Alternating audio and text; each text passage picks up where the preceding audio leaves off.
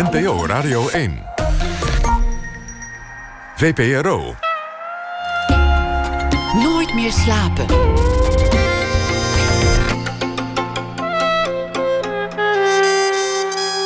Met Pieter van der Wielen. Goedenacht en welkom bij Nooit meer slapen. Een moteleigenaar die zijn cliëntele jarenlang bespiedt via een netwerk van stiekeme camera's. En een journalist die dat verhaal net iets te graag wilde geloven. Ook al wist hij dat die motelhouder dus een rare kwast was. Een bestseller-auteur eh, Michel van Egmond... die vertelt zometeen over deze documentaire Voyeur. En de NDSM-werf op Noord is eh, best een saaie plek... maar fotograaf Jaap Scheren gebruikt het als decor voor zijn foto's... en hing die foto's vervolgens ook weer op op die plek. Een mooi contrast. Hij is hier na ene Thomas Herma van Vos vereeuwigde dag met een voordracht. Komend uur praat ik met KB Modiri... Chimère heet de film die deze maand op televisie wordt uitgezonden. Was eerder te zien tijdens het filmfestival. Een uh, droom, of beter een nachtmerrie, waarin een jonge man worstelt met zijn verleden, met zijn angsten. Met de vraag waar hij eigenlijk thuis hoort en met zijn eigen status. Is hij nou een held of een lafaard? Het is het soort uh, nachtmerrie waar je na ontwaken nog even aan uh, terugdenkt en van duizelt. En zo is het ook gefilmd. Vorig jaar was er ook al een film, Botkin Ras. Die kreeg eh, lof en prijzen. Werd getoond op het Internationaal Filmfestival in Rotterdam. Ging over een jongen die op de vlucht terechtkomt in een Schots alcoholistenstadje. De film was eh, deels documentair gedraaid. Dat wil zoveel zeggen als dat gewone Schotten hun verhaal vertelden. Vaak onvergetelijk en heel dicht bij het uh, verfilmde verhaal. Hij schreef ook nog een boek, Meneer Sadek en de Anderen. Dat speelde in Amersfoort, waar hij zelf ook opgroeide. K.W. Modiri, geboren in 1982 in Iran. Zijn ouders vluchtten en kwamen na wat omzwervingen terecht in Nederland. K.W. Modiri, hartelijk welkom. Goedenavond. Vertel eens, vertel eens over die nachtmerrie. Was die er echt? Um, het was eigenlijk letterlijk een uh, nachtmerrie. Althans, in mijn, uh, ik, ik, heb het gedroomd. Het voelde niet als een nachtmerrie toen ik wakker werd, omdat het zo. Uh, uh, ja, zo, sprankelend was uh, qua, qua wat het, het gevoel dat het in me achterliet, qua kleuren en qua uh, tastbaarheid ervan. Maar um, ja, toch zo sterk was en zo'n um, gek en nasmaak in me achterliet dat ik meteen opstond en het verhaal eigenlijk opschreef in, in, in synopsisvorm. En dat is later uitgegroeid tot het scenario voor deze film. Kun je je dromen altijd herinneren?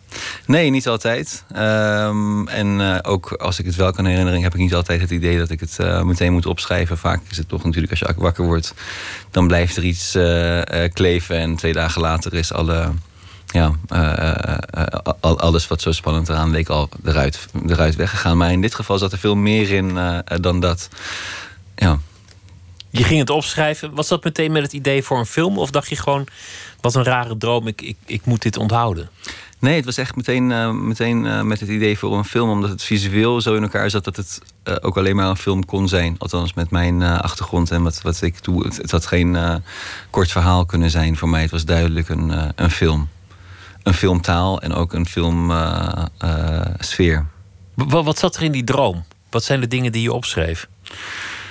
Nou, het, was een, uh, uh, een jongen. En ik bedoel, later weet, weet, ik natuurlijk niet of, of ik die jongen was of het, was een jongen. en die was in een park en het park leek heel erg onschuldig. En het park leek heel vredig. En daar was hij met zijn jeugdige vriendinnetje en het zusje van zijn vriendinnetje. En opeens verschenen er in dat park verschenen allerlei dreigende figuren en wilde, wilde dieren. die hun wilden verjagen. En uh, in het vluchten liet die jongen, uh, waarschijnlijk ik in die droom, liet zijn vriendin en het zusje van zijn vriendin achter en bleef keihard doorhollen. En kwam in een huis terecht. En in dat huis leefde een, een koppel, een echtpaar. En dat huis was een soort barricade tegen de echte wereld. Een plek waar ze zich ja, geschud hielden tegen die, tegen die holgeslagen wereld daarbuiten. En um, in die doolhof waarin hij terecht kwam, kwam, hij eigenlijk in, eh, kwam, kwam ik in die spinnenweb terecht van, uh, uh, van die twee figuren. Dat was in het kort gezegd het, het, het, het, wat, wat, wat, wat in die droom gebeurde. En verder was er een massa-emigratie gaande. Er, er, was een snelweg en op die snelweg waren allemaal auto's met hun koffers volgepakt op hun daken. En die probeerden een grens over te steken. En het waren allemaal immigranten die die het land wilden ontvluchten. Een exodus. Een exodus, juist, ja. Je vertelt eigenlijk al in het kort de film. Die ligt heel dicht bij deze droom. Zo, zoals je hem vertelt. Maar er zitten ook meteen allemaal thema's in uit je eigen leven. Verraad, angst, vlucht. Zeker, ja. Dat is... Uh, Niet thuis horen. Dat is het materiaal waarmee ik natuurlijk werk. Ook, ook, als, ook als ik slaap kennelijk. Uh, zijn dat toch de thema's die... Uh, ja, die, die mij kleuren en uh, die me inspireren. Is zo'n idee voor een film bijzonder? Heb je, heb je dat elke dag? Dat je wel een notitie maakt van dit zou wel eens een film kunnen zijn? Of is dat ook wel een bijzonder moment voor jou? Nee, dat is zeker een bijzonder moment. De meeste verhalen waar ik aan werk, het zijn verhalen die soms uit het niet zijn ontstaan, maar waar ik jaren over broed. Uh, dus het is lang niet altijd, uh, of meestal niet zo dat het, uh, dat het hele verhaal, of, of, of zelfs al in essentie ervan in een droom komt. Vaak gaat daar veel langere processen aan vooraf. Dus dit was, dit was voor mij ook heel bijzonder. Je bent geboren in 1982. Voor, voor jouw ouders was de periode waarin jij werd geboren ook een, een periode van intense rouw. Omdat dat het min of meer samenviel met de dood van jouw zus. Jij, jij zat in de buik en jouw zus werd geëxecuteerd. Klopt. Uh, 1982 was uh, drie jaar na de Islamitische Revolutie. Uh, een revolutie die in eerste instantie uh, massaal gedragen werd door Iraniërs van, vanuit linkse hoek, vanuit religieuze hoek, vanuit allerlei hoeken tegen de Shah. En die revolutie werd eigenlijk gekaapt door, en, en, en, werd een islamitische revolutie. En in 1981 begon de oorlog met, met Irak. En gedurende die tijd greep het regime eigenlijk de mogelijkheid om, om dissidenten een kopje kleiner te maken. En mijn zus Mitra, halfzus, die zat in het verzet. Die zat in die periode, ging ze van onderduikadres naar onderduikadres. Ze was 21. En ehm, ze kon ja, zelden naar huis komen. Dus als ze mijn moeder uh, wilde zien, dan ja, ging dat met veel moeite. Eén keer in de zoveel maanden kon ze, werd er dan contact opgenomen via een contactpersoon. Die zei van Mitra die komt naar huis of Mitra die wil je daar en daar zien. En vaak was ze daar dan in vermomming. En moest ze soms zelfs alsnog aangeven dat de meeting niet door kon gaan omdat het te gevaarlijk was. Uh, dus kortom, het was een periode waarin er heel veel dreiging was, waarin heel veel mensen werden opgepakt, gearresteerd. Um, en Mitra was daar een van. Ze werd verraden. En korte tijd later vermoord. Dat was in 1981. Ik ben in 1982 geboren, dus een paar maanden eigenlijk voor mijn geboorte. Jij zat al in de buik, waar je, waar je natuurlijk niks merkte van dit alles. Maar jouw moeder was zwanger van het ene kind, terwijl het andere kind werd vermoord. Daar, ja. daar komt het op neer. Ja. Door wie is ze verraden, weet je dat?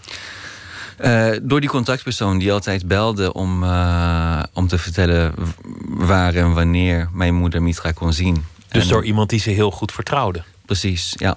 ja. En dat meisje was 17 uh, destijds. Veel te jong om in een situatie te zitten waarin ze zat. Om in een situatie te zitten waarin je iemand kunt verraden. Waarin levens afhangen van, van jouw beslissing waarschijnlijk uh, onder bedreiging van wat er anders gedaan zou worden ten opzichte van haar of haar familie. Maar goed, die heeft haar verraden. Ze, ze belde één middag op en ze zei: Mitra komt naar huis toe. En mijn moeder heeft, en ze wil iedereen zien. Dus mijn moeder, die haar dochter een lange tijd niet gezien heeft, belt naast de familie mensen van wie ze weet, ze willen Mitra zien. En al die mensen komen. Uh, mijn moeder heeft een grote maaltijd voorbereid voor die mensen. blij en in afwachting van Mitra. En op een gegeven moment, in plaats van dat Mitra komt, sto stormt de revolutionaire garde. De, ja, de, de, de stormtroepen. Stormen het huis binnen. En iedereen wordt geblinddoekt in het huis en tegen de muur gezet. En mijn moeder stond in de keuken, dus die stond daar wat verder van, vanaf. En die wachtte de blinddoek niet af, die gooide een handdoek over haar hoofd. Maar ze kon door die handdoek heen kijken. En er werd een meisje naar binnen gebracht. En dat meisje werd gevraagd om iedereen aan te wijzen die ze kende. En nadat dat was gebeurd, werd haar gevraagd: waar is Mitra? En dat meisje zegt: ik heb jullie al verteld uh, waar ze is. En op dat moment kon mijn moeder haar zien uh, door die handdoek heen. En ze kon haar stem herkennen, want ze heeft haar zo vaak aan de telefoon gesproken. Dus ze wist altijd uh, wie haar verraden had. Maar wel verraden met on, onder dwang, onder omstandigheden. Dat neem ik aan, dat is mijn invulling daarvan. Ik, ja, ik kan me niet voorstellen dat zo'n meisje dat puur uit vrije wil doet. daar, daar zal ongetwijfeld, ze zal gepakt zijn, ze zal onder druk zijn gezet. En ze zal het zo gedaan hebben. Welke rol speelde dit verhaal in jouw jeugd? degene die geboren werd nadat het achter de rug was? Nou ja, het heeft mijn hele leven eigenlijk een, uh, een schaduw over me heen geworpen. En ik bedoel dat niet in negatieve zin, geen schaduw. Uh, in de zin dat ik. Uh, nou, misschien eigenlijk gewoon wel een schaduw. In de zin dat er iets is wat aan mijn leven vooraf gaat. Eigenlijk letterlijk is er een leven gegaan waar mijn leven voor in plaats is uh, gekomen. En ik denk dat, het, dat de behoefte om, uh, om te schrijven, om op die manier uit te drukken, om, uh, om de dingen beter te begrijpen, voor een heel groot deel eigenlijk daaruit uh, voortkomt. En ja, goed, mijn volgende film en roman ehm, heet Mitra, zijn vernoemd naar die zus, gaan over die gebeurtenissen. weliswaar met heel veel fictie erbij. Het wordt een fictiefilm, maar toch gebaseerd op die gebeurtenissen. Um, en ik heb het gevoel dat het het belangrijkste verhaal is wat, eh, wat ik, waar ik in mijn leven mee bezig zal zijn. Dat is eigenlijk altijd al het gevoel geweest wat ik gehad heb uh, bij alles wat ik gemaakt heb. En, en, dat, je, dat jij de behoefte voelt om verhalen te vertellen, om dingen te creëren, dat komt daaruit voort? Deels. Ik bedoel, het is niet één op één het, uh, die causaliteit. Maar, uh, maar ja, wat, wat is die causaliteit? Hoe, hoe werkt dat? Nou, ik denk dat het vooral een gevoel is ehm, en dat is natuurlijk voor, voor een groot deel ook in de perceptie die, die, uh, uh, die je van die zaken hebt. Maar het gevoel van een, uh, van een gemis, dat er iets recht te zetten is wat niet recht te zetten is. Van een eeuwig tekortkomen. Um, dat gevoel, dat, dat, dat, dat wrangige gevoel, wat eigenlijk nooit in het dagelijks leven zijn bestemming kan vinden. Maar er was natuurlijk altijd een, een groot verhaal gaande waar jij als kind niet helemaal de vinger op kon leggen. Je, je voelde waarschijnlijk wel het verdriet van je ouders, maar ik neem aan dat ze dat niet aan een kind van drie gaan vertellen. Totaal niet. Dus ik kwam er eigenlijk achter in, uh, in, in bitjes en beetjes. Uh, ik ging met mijn moeder vaak uh, mee naar steden als Keulen, Bonn, Berlijn, Parijs. Waar ze dan oude vrienden, celgenoten, mensen die Mitra kenden, gingen opzoeken. En s'nachts, als ze dachten dat ik sliep, dan, dan vertelden ze elkaar delen van het verhaal. Ik hoorde delen van het verhaal van het ging, hoe het ging toen Mitra in de gevangenis zat. Van mijn moeder hoorde ik delen van het verhaal hoe ze opgepakt was. En in mijn hoofd maakte ik van die puzzelstukjes een, uh, een film. En uh, een verhaal. En wat, ik, wat ik probeerde te begrijpen. En daarbij waren er natuurlijk vaak ook discussies gaande in het huis. Ik proefde vaak, of proefde, hoorde mijn moeder vaak wanneer het erover ging. Ehm, verbitterdheid over wat ze met het meisje zou doen als ze haar zou vinden. En uh, mijn vader. Uh, Over de verrader, wat, wat ze haar zouden aandoen. Ja, mijn moeder. En mijn vader is niet de vader van, uh, van Mitra, zoals mijn halfzus. Ehm, maar die had altijd veel meer het gevoel van. Maar dat meisje was 17 en wat zou je. Ja, wat, wat moet je daarmee doen? En wat, wat, hoe, ja, hoe kun je het zo iemand ook kwalijk nemen? Wat natuurlijk een, een veel rationelere positie is dan een moeder die een dochter heeft verloren. Maar daarin ehm, vroeg ik mezelf ook altijd af. Ja, maar van, van, waar sta ik daartussen? En uh, hoe zit dat dan tussen goed en kwaad daarin? En ze hebben die, dat meisje nooit meer gevonden? Nee, nee. Nooit meer gesproken, nooit meer dat gesprek kunnen voeren? Nee. Wat merkte je van het verdriet als kind? Van, van de rouw van je ouders? Nou, voor een groot deel dat ik... Uh, dat mijn moeder bijvoorbeeld, als ze me wilde... als ze liedjes zong, dan waren het vaak rouwliederen. Ze vertelt zelf vaak dat ik als baby moest huilen als, uh, als ze zong. Maar goed, ik weet, ik, ik, weet wel waarom. um, dus ja, je, je, krijgt het natuurlijk gewoon mee in alles. Dus in plaats van een wiegeliedje of een slaapliedje of een kinderliedje... Ze probeerden me natuurlijk daarmee te kalmeren en te troosten. Maar goed, dat waren de liederen die in haar opkwamen op dat moment. Jullie zijn uiteindelijk, en dat, dat klinkt ook wel logisch, weggegaan uit Iran. Zodra, ja. zodra er een kans was om weg te komen uit Iran, hebben jullie dat gedaan. Dat heeft eigenlijk nog, nog best even geduurd. 1988 zijn jullie, uh, zijn jullie gegaan. Ja. Dan, dan, dan ben jij vijf of zes jaar oud, zoiets. Dus dat, daar moet je herinneringen aan hebben. Uh, van mijn tijd in Iran bedoel je, voordat nee, van het, van het vluchten. Van het moment oh, ja, dat jullie absoluut. weggingen. Ja, eigenlijk weet ik, vanaf dat moment begint eigenlijk mijn geheugen... Uh, chronologisch, dat ik alles nog weet. ik bedoel, van daarvoor weet ik ja, soms details, soms grotere gebeurtenissen. Maar vanaf het moment dat we naar Turkije vluchten, toen ik vijf werd, toen kwamen, het was mijn vijfde verjaardag, toen we in Istanbul aankwamen die hele reis en vanaf dat moment, uh, daar begint mijn geheugen eigenlijk. Uh, ja, en daar weet ik alles van. ja.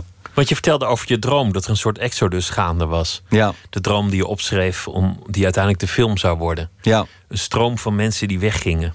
Was dat ook zo? Ging dat zo? Dat was zo, alleen in deze droom was die exodus uit Nederland. En dan gingen, gingen al die mensen weg uit Nederland, uit de andere kant op, precies. Ja. ja. Maar hoe, hoe zag, het, zag het eruit? Gingen jullie gingen met de auto weg? Of, uh... nou, we hebben verschillende pogingen ondernomen om, om weg te gaan. De eerste keer was naar de Sovjet-Unie te voet uh, door een rivier. En, een heel avontuur. uitvoerig beschreven in mijn eerste roman. Ehm, de tweede keer gingen we naar Turkije. En dat was um, aanvankelijk zonder mijn moeder en mijn broer. Mijn zus, mijn vader en ik gingen met een bus en een omweg eh, van de grens eh, naar Turkije en uh, naar Istanbul toe. Uh, de eerste drie maanden zonder dat de rest van de familie daar was. En ja, we wisten ook niet hoe lang we daar zouden blijven. Wat, wat, wat er was geen plan. Of, en, en, ik zou natuurlijk op dat moment ongeveer naar school moeten gaan. Mijn zus was een paar jaar maar, ouder. Maar, wacht even, je zit dan met je, met je ouders eerst een, een tocht door een rivier. Wat zeiden je ouders dan tegen je? We, we, gaan? Of je moet, je moet nu heel stil zijn? Of je moet je, moet je goed gedragen? Hoe, hoe, hoe ging dat? Dat uh, hoefde ze me op dat moment niet echt meer te vertellen. Het, het, het, begon al dat ik wakker werd en, en, aangekleed was. Terwijl iedereen aan het wachten was met een, uh, met een rugtassen klaar in de woonkamer bij ons in Teheran. Uh, en dat ik begreep dat we weggingen. Um, op het moment dat we in die avontuur zaten van een rivier doorsteken, de, de, gevaarlijke oversteek maken voordat we bij de hekken van de Sovjet-Unie kwamen, daar waren allemaal grensposten. Uh, en het was vroeg in de ochtend en um, uh, de, de, de bewakers, zeg maar, met hun, met hun geweren boven, die lagen te slapen. En mijn vader die liep heel stilletjes voorop. En ik, ik weet nog die stilte van, van, van, van het bos daar. En het kraken van het hele zachte kraken van, uh, uh, van, de, van de herfstbladeren onder zijn schoenen. Om te kijken of het veilig was om door te steken langs die grensposten. Um, nou goed, dat zijn allemaal details, allemaal kleine dingen die me bijblijven van, van, van zo'n oversteek naar de Sovjet-Unie. Um, en dingen die ook later terugkomen. Ik bedoel, nu we met deze film Chimère het geluid aan het doen waren. Uh, er zit een scène in wat, wat, wat, wat deels naar deze scène die ik net, net beschrijf verwijst. En ik zat met geluidsman te praten en dan vertel ik hem deze scène. En ik vertel hem hoe, hoe, die herfstbladeren klonken onder de zolen van, van de schoenen van mijn vader. En daarmee gaat hij dan vervolgens te werk en recreëert hij dat. Maar um, dat zijn dingen die, ja, die, die zo'n scherpe klein detail dat heel veel zegt. Ja. Het kraken van, van de. Want jullie deden dat te voet. Ja. Het, het was, was zeg maar het cruciale gedeelte voor je er was. Voordat je veilig was. Ja. En waarschijnlijk werd je daar helemaal niet met open armen ontvangen. Totaal niet. Nee, we, we, we, we staken de grens over. We moesten een hek eh, doorknippen. En we werden opgehaald door een, uh, uh, ja, een, een, een, militaire bus van het Sovjetleger. We werden naar een kazerne gebracht uh, waar allemaal uh, gewonde soldaten waren. Het was de oorlog met Afghanistan was gaande, tussen Sovjet-Unie en Afghanistan. Dus we kwamen eigenlijk meteen in een hele miserabele situatie terecht. Ehm, we werden in een cel gestopt, wat totaal niet de verwachting was. We dachten dat we daar heel haftig zouden worden omarmd in een cel gestopt. En uh, in een, ja, uh, ongeveer acht dagen waren we daar, waarin we heel weinig te eten kregen. Waarin uh, ja, af en toe, als je, als je naar de wc wilde, dan mocht je op de deur kloppen en deed iemand open. Maar als je uit de wc keek, en er, waren, zaten tralies voor het kleine raampje van, van de wc. En die spaarzame keren dat ik dan naar de wc ging, zag ik een jong koppel. Want om, de, om die kazerne heen uh, waren de scholen van, de, van de officieren die daar werkten. Dus die kinderen die, die, ja, die chillden daar. En er zat een jong koppel wat daar aan het, aan het zoenen was op het, op het gras. En daar keek ik naar door dat kleine raampje met die tralies ervoor. Als een soort beeld van, van vrijheid. En um, op een gegeven moment zag die jongen me. Het hij moet 15, 16 zijn geweest. En hij en zijn vriendin die kwamen dichter bij dat raam staan. En die haalden allemaal kleine snoepjes in, uh, uh, tevoorschijn uit hun zakken. En die probeerden die snoepjes naar boven te gooien, twee, twee hoog, door die tralies heen. En elke keer kwamen er een paar naar binnen en, en de rest niet. Maar ze bleven het proberen totdat, uh, totdat ik twee handen vol aan die snoepjes zat. En uh, dolgelukkig weer terugging naar de cel en, uh, en die met de andere kinderen daar deelde. Maar daarmee gaven ze je eigenlijk iets meer dan, dan alleen twee vuisten snoep. Ze gaven je een, een beeld van, van leven, van hoop, van, van nou, liefde, weet ik het. Precies, precies. Dat, dat heb je als kind heel goed gezien, wat de symboliek daarvan was. Ja, dat, dat soort momenten die, die blijven natuurlijk ook bij. En die, die hebben me ook gevormd voor een heel groot deel. Niet, ik bedoel natuurlijk, het grotere plaatje is dat, dat, dat constant onderweg zijn. Dat constant te proberen ergens een bestemming te vinden. Maar daarbinnen zijn zulke dingen die iets over menselijkheid vertellen zonder dat, dat het heel erg eenduidig is verder, maar die iets over menselijkheid vertellen en die, um, ja, die op een manier raken wat, wat niet zo snel weg appt. Wanneer houdt dat op? Dat altijd onderweg zijn, zoeken naar een plek waar je, waar je hoed even wat langer neer kan leggen? Wanneer voel je je thuis? Ja, tegenwoordig voel ik me op heel veel plekken thuis. En tegelijkertijd blijft er voor altijd het abstracte gemis van een van een huis wat enkel in abstractie bestaat. Uh, wat, wat, wat nooit echt vorm kan krijgen. Maar goed, ik ben inmiddels 35. Ik ben, het is heel anders dan toen ik daar uh, als 17 of 18-jarige naar, uh, naar keek. Met een enorme onrust en een gevoel van maar waar dan en wanneer dan en hoe dan. Terwijl ik me nu op, eigenlijk op heel veel verschillende plekken op de wereld ontzettend thuis voel. En, dus je hebt je erbij neergelegd dat je niet ergens echt helemaal thuis bent? Ja, dat, die, dat, dat gevoel van een gemis, dat zit gewoon veel meer in mijn karakter dan in een plek. Uh, ja. Amersfoort noemde je een, een verschrikkelijk saaie stad. Maar, maar ook met, met liefde volgens mij. Je hebt die stad ook weer omarmd. Dat is waar jullie terecht kwamen. Wat, wat, waren daar de, wat zijn de herinneringen die je te binnen schieten... als je denkt aan Amersfoort en, en de tijd bij je ouders? Wat, wat voor gezin zijn jullie geworden? Uh, het was vooral een gezin in wording. het, was, het was nog niks geworden. Uh, het is later ook niks geworden, maar... Um, het is gewoon niks geworden? Het is gewoon niks geworden, dat gezin, nee. Uh, of althans, dat als gezin. Um, als onderdelen van het gezin doet iedereen het fantastisch. En ik hou, ja, zowel mijn vader, mijn moeder, mijn zus is een hele succesvolle tv-presentatrice in, in Londen. En we hebben allemaal hele nauwe contacten. Maar als gezin is het uh, daarna ook uh, uit elkaar gevallen. Want je, je bent ook nog een broer kwijtgeraakt. Klopt, ja. Die is, uh, die is om het leven gekomen in Tsjechië bij een ongeval. Ja. Dus, dus je, je ouders hebben hun portie wel gekregen, kun je zeggen. Zeker weten, ja. ja, na alles wat daaraan al vooraf is gegaan. En net op het moment eigenlijk dat het leven in Nederland een, een echt een nieuw begin leek te gaan worden. Dat je echt dat ze hier echt een plek konden vinden. Uh, stief mijn broer en was er eigenlijk een nieuw trauma om, uh, om te verwerken. Wat waren de gelukkige momenten? Ja, daar zijn er heel, heel veel van ook. Um, ik bedoel, vanuit mijn jeugd verteld zijn het natuurlijk altijd tragicomische momenten zijn. Ik bedoel, uh, een van de mooiste momenten, of mooiste, ja tot, tot tien seconden, tot, tot een, half uur later was het inderdaad een van de mooiste momenten. Maar mijn ouders, eh, door al deze gebeurtenissen die hun uh, zijn overkomen, ik bedoel, natuurlijk stond het huwelijk altijd onder grote druk. Niet heel veel gelukkige momenten gezien tussen mijn ouders. En ehm, ik wilde na mijn, nadat ik klaar was met de middelbare school heel graag terug naar Iran. Het, het, voelde als een roeping. Ik moet terug op vakantie naar Iran. Ik moet die plek zien. Ik was er niet geweest sinds mijn ja, vijfde en vierde. Uh, en ik was 17. Dus ik wilde gewoon, als ik zou, uh, zou slagen voor mijn diploma, naar terug naar Iran. En mijn moeder en mijn zus zouden meekomen, mijn vader niet. Op het laatste moment bedacht hij zich. Uh, allerlaatste moment pakte toch zijn koffer. Kocht een ticket, we gingen naar Iran. En vlak voordat het vliegtuig ging landen, we zagen de Teheran prachtig opgelicht vanuit, vanuit de lucht. Mijn zus en ik waren allebei mm, zo uh, enorm enthousiast en blij dat we dit gingen doen. En mijn vader en moeder pakten elkaars hand en heel liefdevol keken ze elkaar aan. En ze zeiden: Oh, wat zijn we aan het doen? Wat zijn we aan het doen? Uh, we gaan terug. En een half uur later uh, stonden we bij de, bij de douane, de grensovergang, en werd mijn vader gearresteerd en, en meegenomen.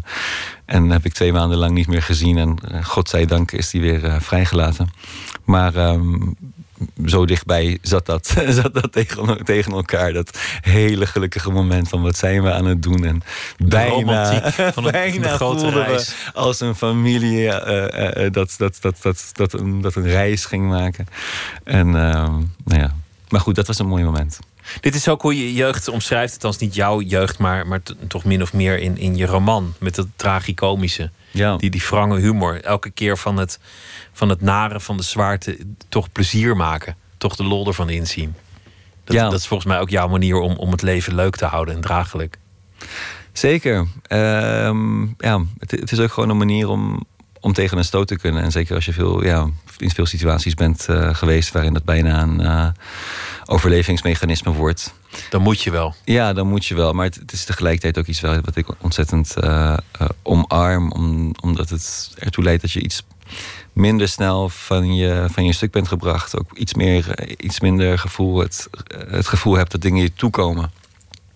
Dat alles voor je, ja, dat je recht hebt op, op, op, op, op, op dingen. Ja, entitlement op dingen die je toekomen.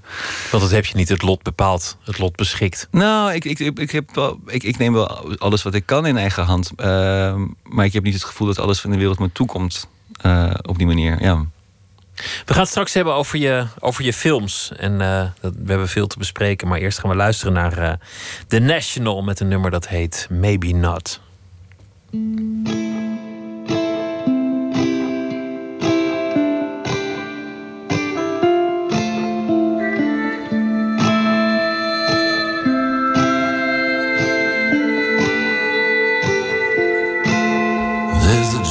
That I see.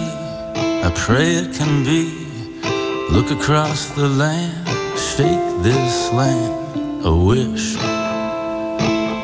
or a command. The dream that I see, don't kill it, it's free.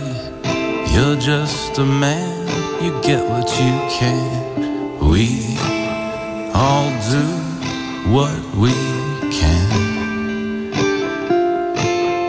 So we can do just one more thing. We can all be free. Maybe not with words, maybe not with a look, but with your mind.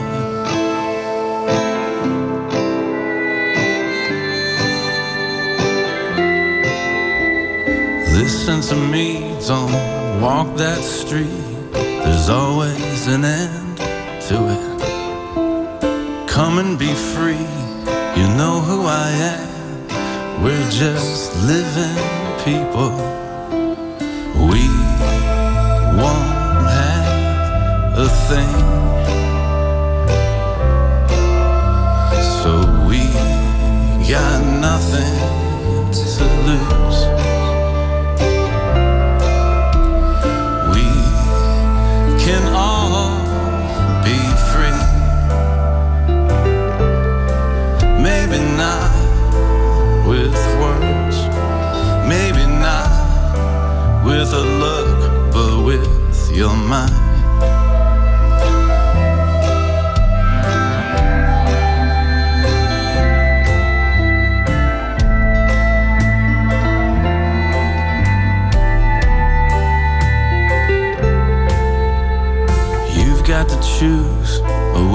Command at the turn of the tide. It's withering thee. Remember one thing the dream you can see. Pray it to be, shake this land.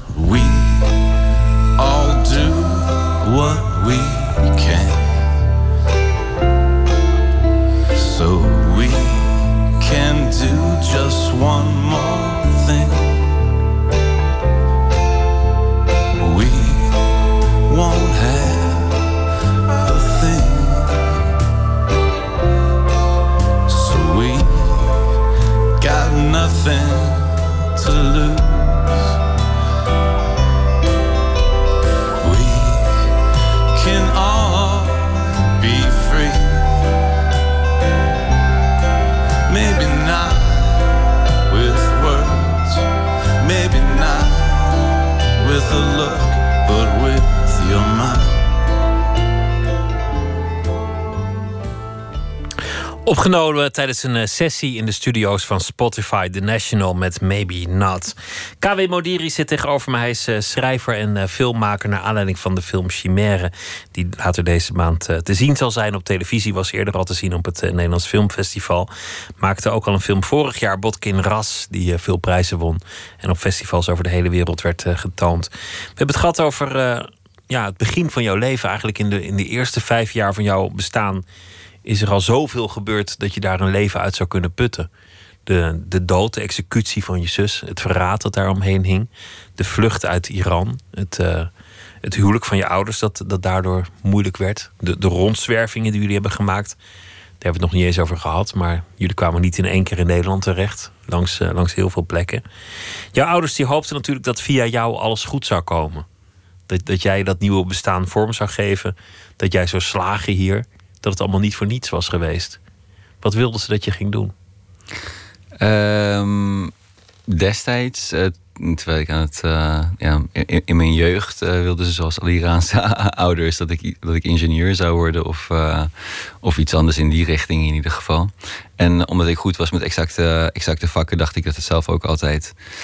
ik had een oom die schrijver was en heel graag dat ook ambieerde uh, om schrijver te zijn. En dat was mijn enige aanraking met eigenlijk uh, uh, ja, dat, dat, dat, je schrijver kon worden überhaupt. Dat dat, uh, dat, dat iets was.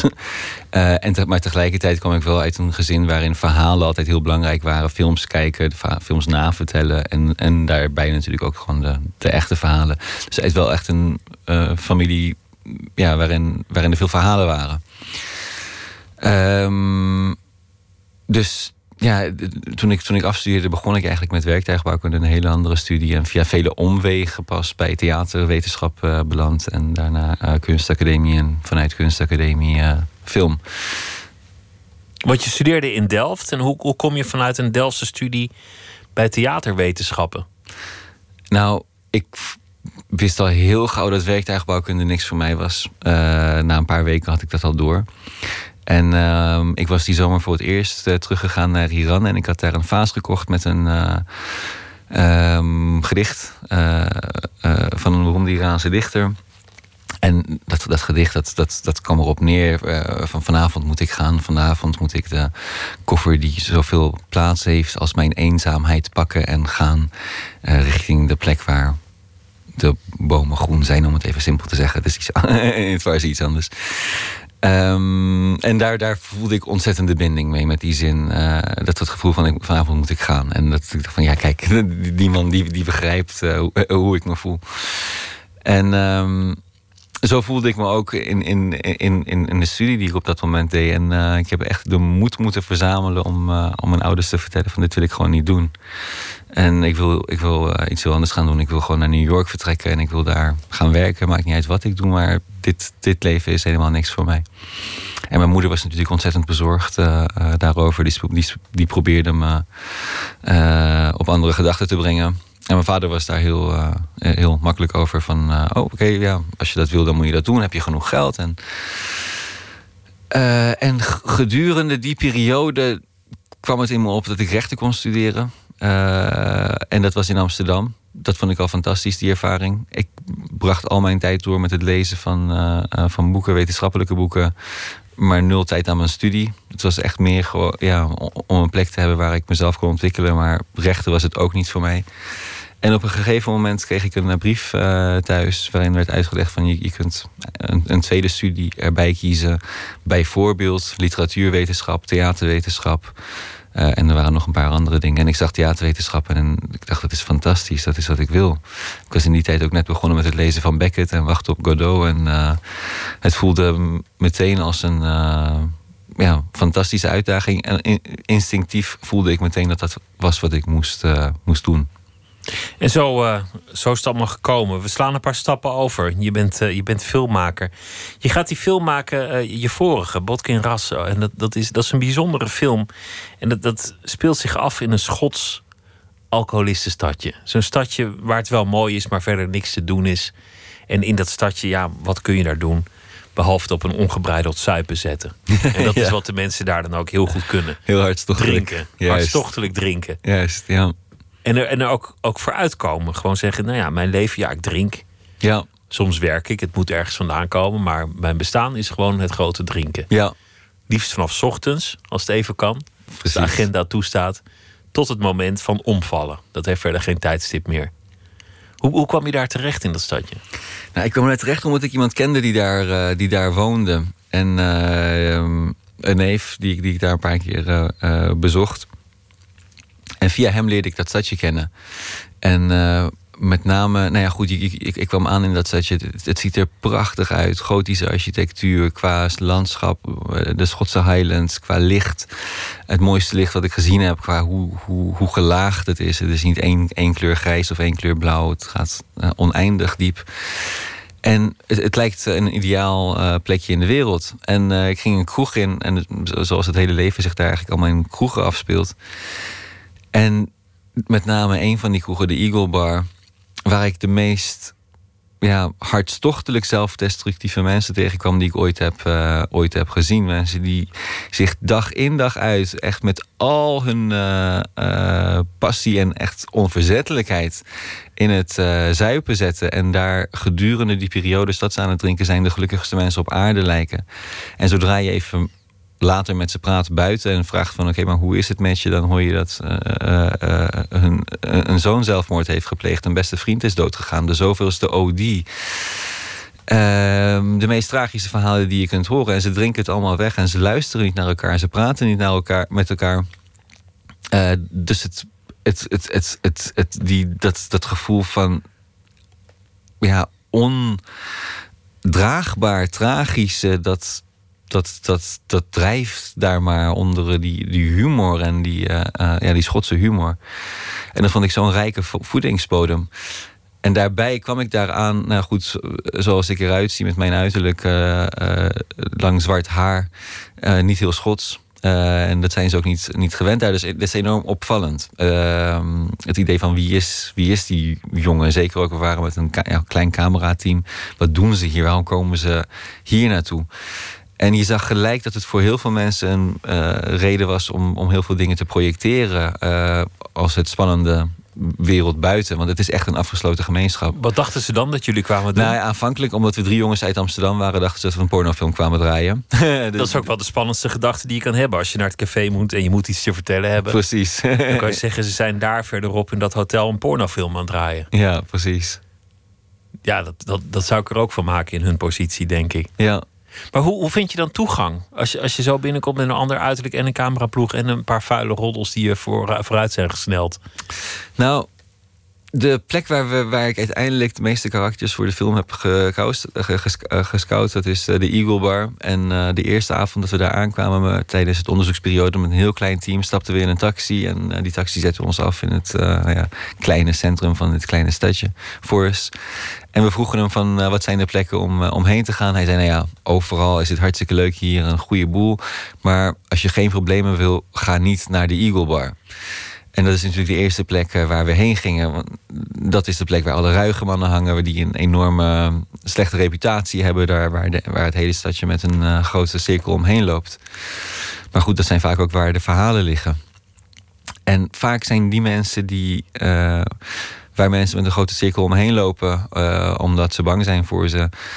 Eh, vaak zijn juist die mensen hebben het gevoel dat ze worden veroordeeld. En eh, als ze, dat er over hun wordt geoordeeld. En als dat oordeel er niet is of uitgesteld wordt, ehm, dan zijn het vaak hele open mensen die enorm veel te delen hebben. En dat is eigenlijk eh, ja, hoe wij toegang hebben gevonden tot die mensen. Het, dat, dat is eigenlijk de werkelijkheid die zich ook in de film heeft vertaald. Want het gaat over een jongen die daar komt wonen op de vlucht voor een, een daad, een misdaad die hij heeft gepleegd. En die, die jongen die wordt natuurlijk helemaal niet geaccepteerd. Die, die moet zijn toegang verwerven. Je hebt het deels documentair gedraaid. Dus gewoon die mensen zichzelf laten zijn, hun eigen verhaal laten vertellen.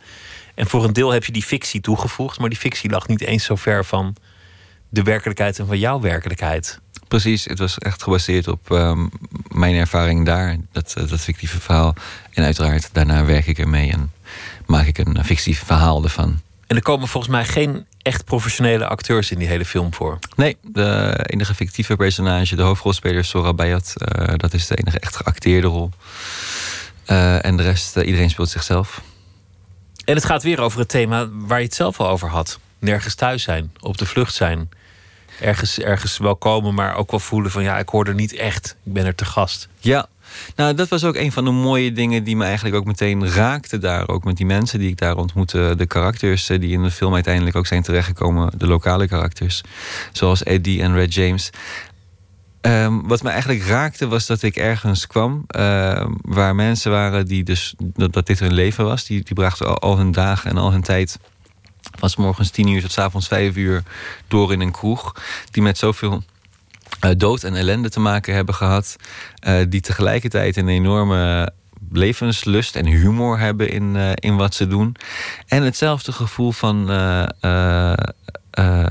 onbestemdheid, van, van niet op een plek zijn hebben. Terwijl ze misschien hun hele leven lang dat stadje niet hebben verlaten of nauwelijks hebben verlaten. En daar kom ik als iemand die zijn hele leven overal en nergens heeft gewoond en nu in een afgelegen uithoek van Europa en het noorden van Schotland ergens terechtkom. En toch op de een of andere manier in de kern van de zaak een, uh, een enorme binding heb. En hetzelfde gevoel uh, heb. Dus Eddie, een van die karakters, die twee zonen heeft, had, die zich allebei hebben verhangen uh, op hun 21ste, 22ste voelt voor mij net zo, uh, uh, net zo sterk het gevoel van onbestemd uh, zijn als ik die voel. Om hele andere redenen. Maar het gevoel is hetzelfde. Het gevoel ontheemd te zijn. En, het, en natuurlijk ook de dood. Want de dood was, was al jong in jouw leven ook zeer aanwezig. Ja. Rauw. Dat, dat is iets dat je, dat je zult herkennen in die mensen. Zeker weten, ja. Is dat ook altijd een thema dat, dat makkelijk komt als je aan het schrijven bent? Ja, al moet ik zeggen dat er steeds meer leven door die uh, dood uh, heen kruipt. Want dat is uiteindelijk waar de essentie uh, toch, toch op ligt. Maar natuurlijk, de, de, de aanwezigheid van de factor dood is heel sterk aanwezig in mijn werk. En dat plaatst dat leven ook in perspectief. En dat plaatst die humor ook in perspectief. En ehm, ja, de manier waar je er doorheen gaat. Maar goed, ik merk hoe ouder ik word hoe meer nadruk er komt te liggen op het leven en niet op de dood. Dat het leven toch interessanter is omdat daar meer gebeurt. Precies. Tenslotte. Ja, en dood is, dat, is, dat is maar een ding, dat is maar een, een, een dreiging, een. Uh, ja, iets, iets wat je, waarvan je weet uh, dat het eindig is. En dat, dat al het andere waarin eigenlijk elke dag weer opnieuw uh, alles moeten uitvinden. Niet alles moeten uitvinden, maar waardegeving waar, waar je waar je waarde aan hecht. Uh, die relatie met de wereld om je heen. Um, om die dag op dag opnieuw te definiëren. Daar zit zoveel meer betekenis, lading uh, en ruimte voor ontwikkeling uh, en detail. Deze film was, was een succes, mag, mag ik zeggen. Want het, je, je won meerdere prijzen. Je kwam op meerdere festivals. De, de, de recensies waren zeer lovend. Ik had gedacht, die neemt daarna even lekker de tijd nadenken over een volgend project. We, zijn één jaar verder en, en daar is de volgende film al. Ja, precies. nee, het uh, tijd nemen, dat, dat komt wel. Op dit moment heb ik zoveel uh, verhalen die ik wil vertellen, zoveel materiaal en niet genoeg ja, tijd. Ik zou willen dat ik meer handen had om tegelijkertijd meer dingen te kunnen schrijven en meer dingen te kunnen regisseren. dus ik ben heel blij dat er weer een volgende film ja, uit is en volgende week op tv komt. In die film uh, gaat het over, over die jongen, want dat vertelde je al, die jongen die angsten heeft, die jongen die zich ontheemd voelt. En die komt uiteindelijk bij een gezin waar die ja, op een heel nare manier in een, in een soort seksueel spel wordt, wordt gebracht. Eigenlijk wordt hij soort van gevangen genomen. Hij wordt in een soort web gelokt, zoals een spin dat zou doen, waar, waar hij eigenlijk niet uit weg kan. En, uh, en uiteindelijk vindt hij dat ook prima. Die mensen helpen hem om ook de weg terug te vinden. En dan komt hij in iets dat lijkt op een vluchtelingenkamp. Het is, het is tamelijk magisch en abstract, zoals het in een, in een, in een droom zou zijn. En, en bij die jongen hoort ook nog dat gevoel: deug ik eigenlijk wel? Ben ik eigenlijk wel een held? Mm Of ben ik een lafaard? Is, is dat een thema geworden in jouw leven? Want je vertelde over jouw zus die verraden was. En dat dilemma, dilemma dat daar omheen hing. Is dat eigenlijk iets dat, dat je op jezelf projecteert? Um, ja, misschien niet zozeer in, in de termen van uh, lafaard of, uh, of held. Maar meer in het gevoel, wat ik eerder zei, het gevoel van tekortkomen. Het, het gevoel dat je iets had kunnen voorkomen, maar daar niet in bent uh, geslaagd. dat Heb gevoel... je wel alles gedaan, dat gevoel? Ja, ja, ja. dat gevoel ken ik wel heel erg sterk. Ehm, en ook dat komt weer uit ja, persoonlijke ervaringen. Misschien dat een andere ervaring daarvoor meer ehm, ja, betrekking uh, op heeft. Welke dan? Nou, uh, voordat mijn broer stierf, dat is een, een moment. Ik, had altijd een hele gecompliceerde relatie met mijn broer. Ik was veel jonger. Hij had nooit een gecompliceerde relatie met mij. Ik had een gecompliceerde relatie met hem. En de ochtend voordat hij vertrok op vakantie kwam hij me s morgens wekken. Het was om zes uur s morgens en hij had een auto gehuurd. Ik vond auto's fantastisch. Hij kwam om zes uur s morgens wekken van... Uh, broertje, ik ga op vakantie. Um, uh, word je wakker? En ik was wakker, maar ik deed alsof ik sliep. Ik had geen zin om afscheid te nemen. Het was ook heel vroeg. Dus ik bleef liggen. En um, hij probeerde het nog een paar keer. ik heb een auto, wil je de auto niet zien? Het is een nieuwe auto. En ik, en ik negeerde hem. En uh, ik hoorde hem beneden afscheid nemen van mijn moeder. En uh, nadat hij naar beneden ging, stond ik toch op. Ik wilde toch de auto zien. Dus ik liep naar, uh, naar het raam toe van aan de andere kant van ons, van ons huis. En keek door het raam dat hij instapte en wegging. En goed, korte tijd later gebeurde het tragische ongeluk. Hij, hij verdronk. En ik zag hem nooit meer terug. Hij verdronk ook nog eens op mijn verjaardag. Um, en dat moment bleef me altijd bij. Dus in, in mijn kinderervaring en de, de, tijd daarna had ik altijd heel sterk. Uh, dat, ik, dat ik me afvroeg, wat als ik wakker was geworden? Dan was hij net een paar minuten later uh, vertrokken. En dan was er een hele reeks van gebeurtenissen... was anders in elkaar gaan zitten. En dan was dat niet gebeurd. Dus ik probeerde altijd daarna, als mijn ouders of wie dan ook zei... van ik ga ergens heen, om te wachten dat ze, om het even te rekken. En daarna vroeg ik me af, oh ja, maar wat als er nou nu juist wel iets gebeurt nu ik het gerekt heb? Maar gevoel, dat, dat, dat gevoel, wat natuurlijk een totaal. Uh, ik bedoel, ik snap zelf ook wel dat het, dat, dat, idioot is. Het is, geen, uh, het is niet zo dat ik denk, wat is mijn schuld. Maar toch, dat gevoel uh, van, van tekortkomen is wat ik bedoel met. ja, dat, je iets had, dat ik iets had kunnen doen en daarin tekort schiet. En niet alleen ik, ik denk dat het een heel erg menselijk iets is. Dat we als mensen altijd tekort schieten eigenlijk. Ik denk dat iedereen dat zou hebben. Welke, wel, hoeveelste verjaardag was je? Was 15 of zo? Toen, toen ik was 11. 11. Dat was je elfde verjaardag. Ja. En dan, dan ben, je, ben je van alles bewust, maar tegelijk ook uh, ja, jong en, en uh, onwetend. Maar ik denk dat iedereen zich schuldig zou voelen over een slecht laatste afscheid als een, als, als een naaste sterft. Ja. Zeker als je doet alsof je nog slaapt, omdat je gewoon geen zin hebt om, Precies. om afscheid te nemen, omdat je dwars bent of, of, of wat dan ook. Ja, dat, dat gevoel kan ik me voorstellen. Tegelijk is het natuurlijk totaal irrationeel. Dat weet jij zelf ook wel. Maar ik vind het wel mooi hoe je dat omschrijft. Dat je, dat, dat toch blijft. Ja. Het gevoel, ik had iets kunnen doen. Of ik, ik, ik heb iets niet goed gedaan. Of wat dan ook. Heb, heb je later nagedacht over, over die broer? Is, is die relatie goed gekomen ondanks dat hij er niet meer is? Oh ja, zeker. De reden dat ik hem destijds. Uh, dat, dat was, was omdat er altijd uh, veel spanning was in het huis. Uh, rondom mijn broer. We kwamen. Nou ja, goed. met die voorgeschiedenis die je kent, kwamen we aan in Nederland. En natuurlijk verandert alles in één keer. De rol van de vader, de rol van de man, de rol van de vrouw. Alles. Ook al kom ik uit een intellectueel gezin. Um, toch alles staat ineens ondersteboven. En uh, mijn broer was ontzettend rebels. En uh, in die tijd, uh, dit, dit, is eind jaren tachtig, begin jaren negentig, droeg hij een oorbel. ja, ging hij met alternatieve vrienden om. ging hij naar Prinsconcerten. En hij luisterde luid naar muziek elke ochtend in ons klein huisje. En hij sliep tot twaalf uur. En dat waren allemaal dingen die mijn vader niet, niet, niet, niet oké vond. Het was voor hem allemaal een ondermijning van zijn, van zijn gezag. En dus er was altijd veel, eh, veel eh, spanning. En daarom, dat was ook een van de redenen dat ik eigenlijk uh, altijd uh, ja, mijn broer niet mocht. Omdat het voor mij in mijn ogen de oorzaak was van dingen die, die niet goed lagen. En terwijl ik later heel vaak dacht, maar wat was hij eigenlijk gewoon ver, ver vooruit. We waren hier nog geen zes maanden en hij had alleen maar Nederlandse vrienden. En luisterde naar de beste muziek van die tijd. En ja, was een ontzettend uitgesproken karakter eigenlijk. Dus dat is later zeker goed gekomen. En er is heel veel bewondering vanuit mij, mij ja, voor hem ontstaan. In, in jouw film zit, zitten ook eigenlijk bepaalde momenten die lijken op een soort afrekening. Dat het, dat het uh, zonder meteen een spoiler erin te willen gooien. Maar het is alsof een, alsof een kant van het personage in die droom ook sterft. Om verder te kunnen. Ja. Alsof dat verleden ook wordt vernietigd. Ja. Ja, ik vind het het, het, het proces van ja, zelf opnieuw. En, dat zijn de mooiste momenten eigenlijk in, in, de, in de identiteitsvorming, wat mij betreft. Ik bedoel, ik zie identiteit als iets wat dynamisch is, iets wat constant in beweging is. Uh, en uh, het doet eigenlijk niet toe of het individu is, of het over persoonlijke identiteit hebben of culturele identiteit. het is iets dynamisch. Het is iets wat, wat nooit vast en stilstaat, godzijdank.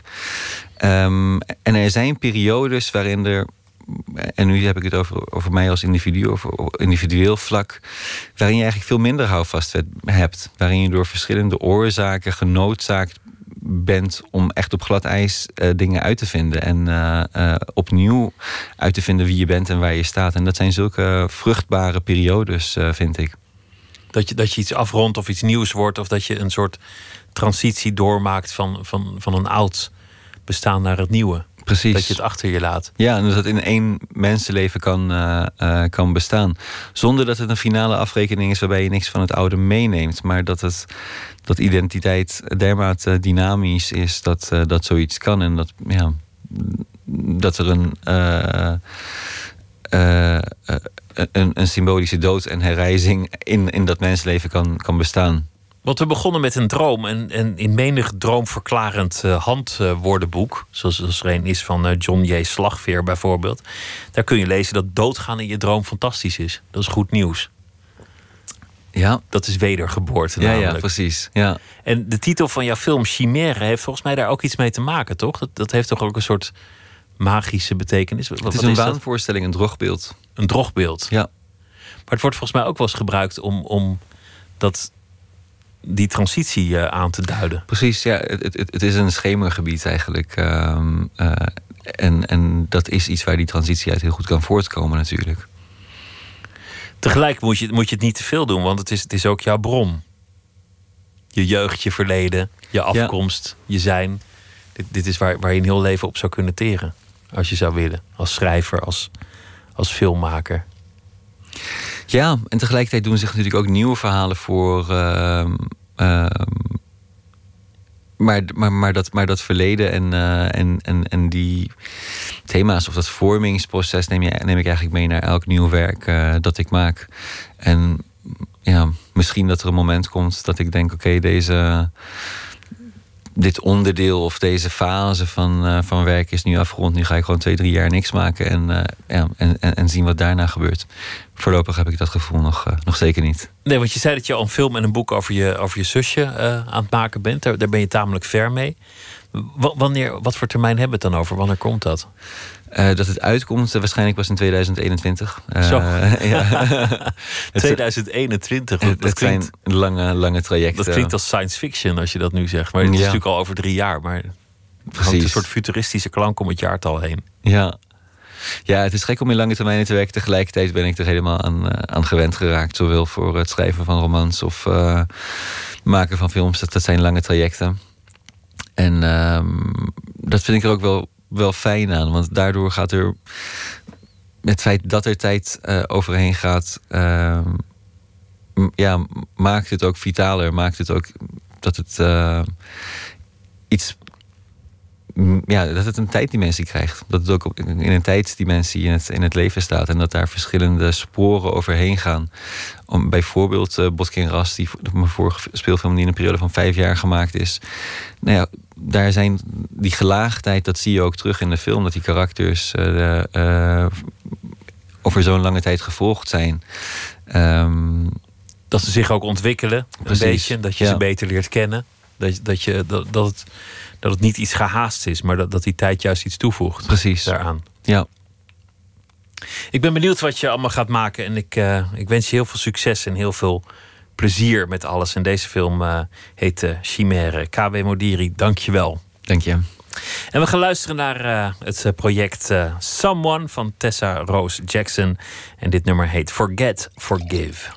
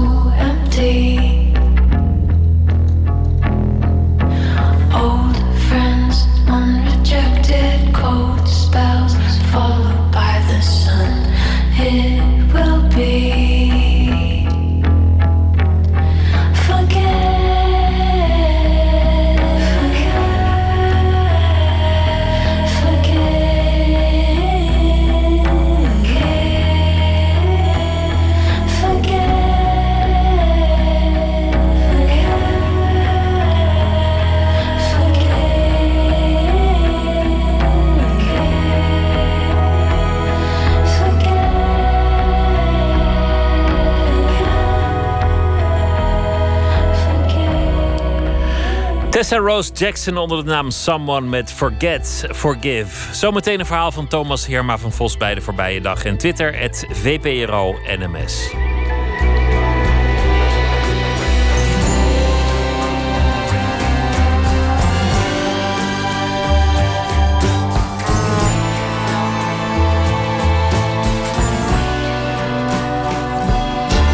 Op Radio 1, het nieuws van alle kanten.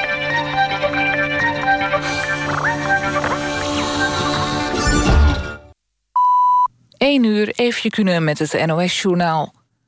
In Maastricht is een verdachte opgepakt in verband met twee steekpartijen eerder vanavond. Een man en vrouw zijn gedood en drie mensen zijn gewond geraakt.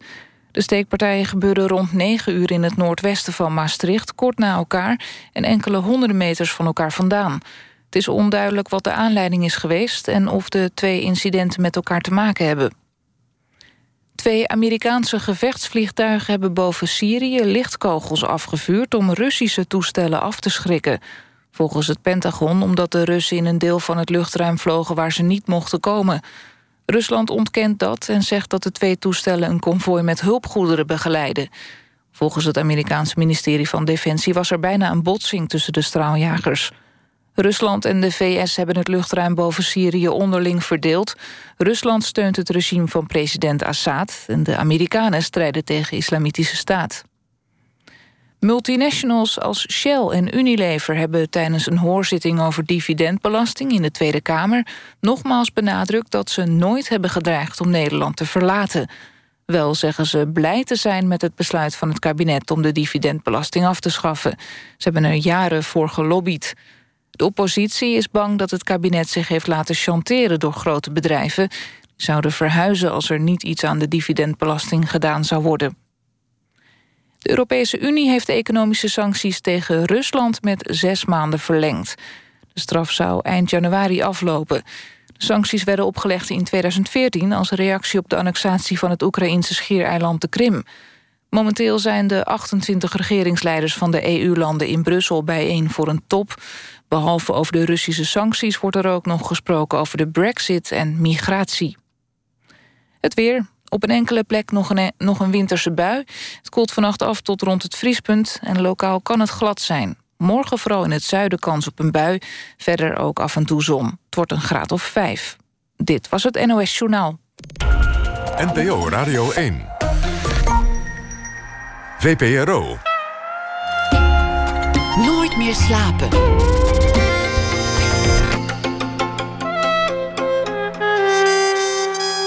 Met Pieter van der Wielen.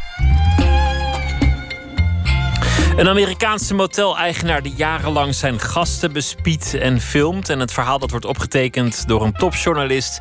die zelf langzaam ook in de praatjes van de moteleigenaar begint uh, te trappen.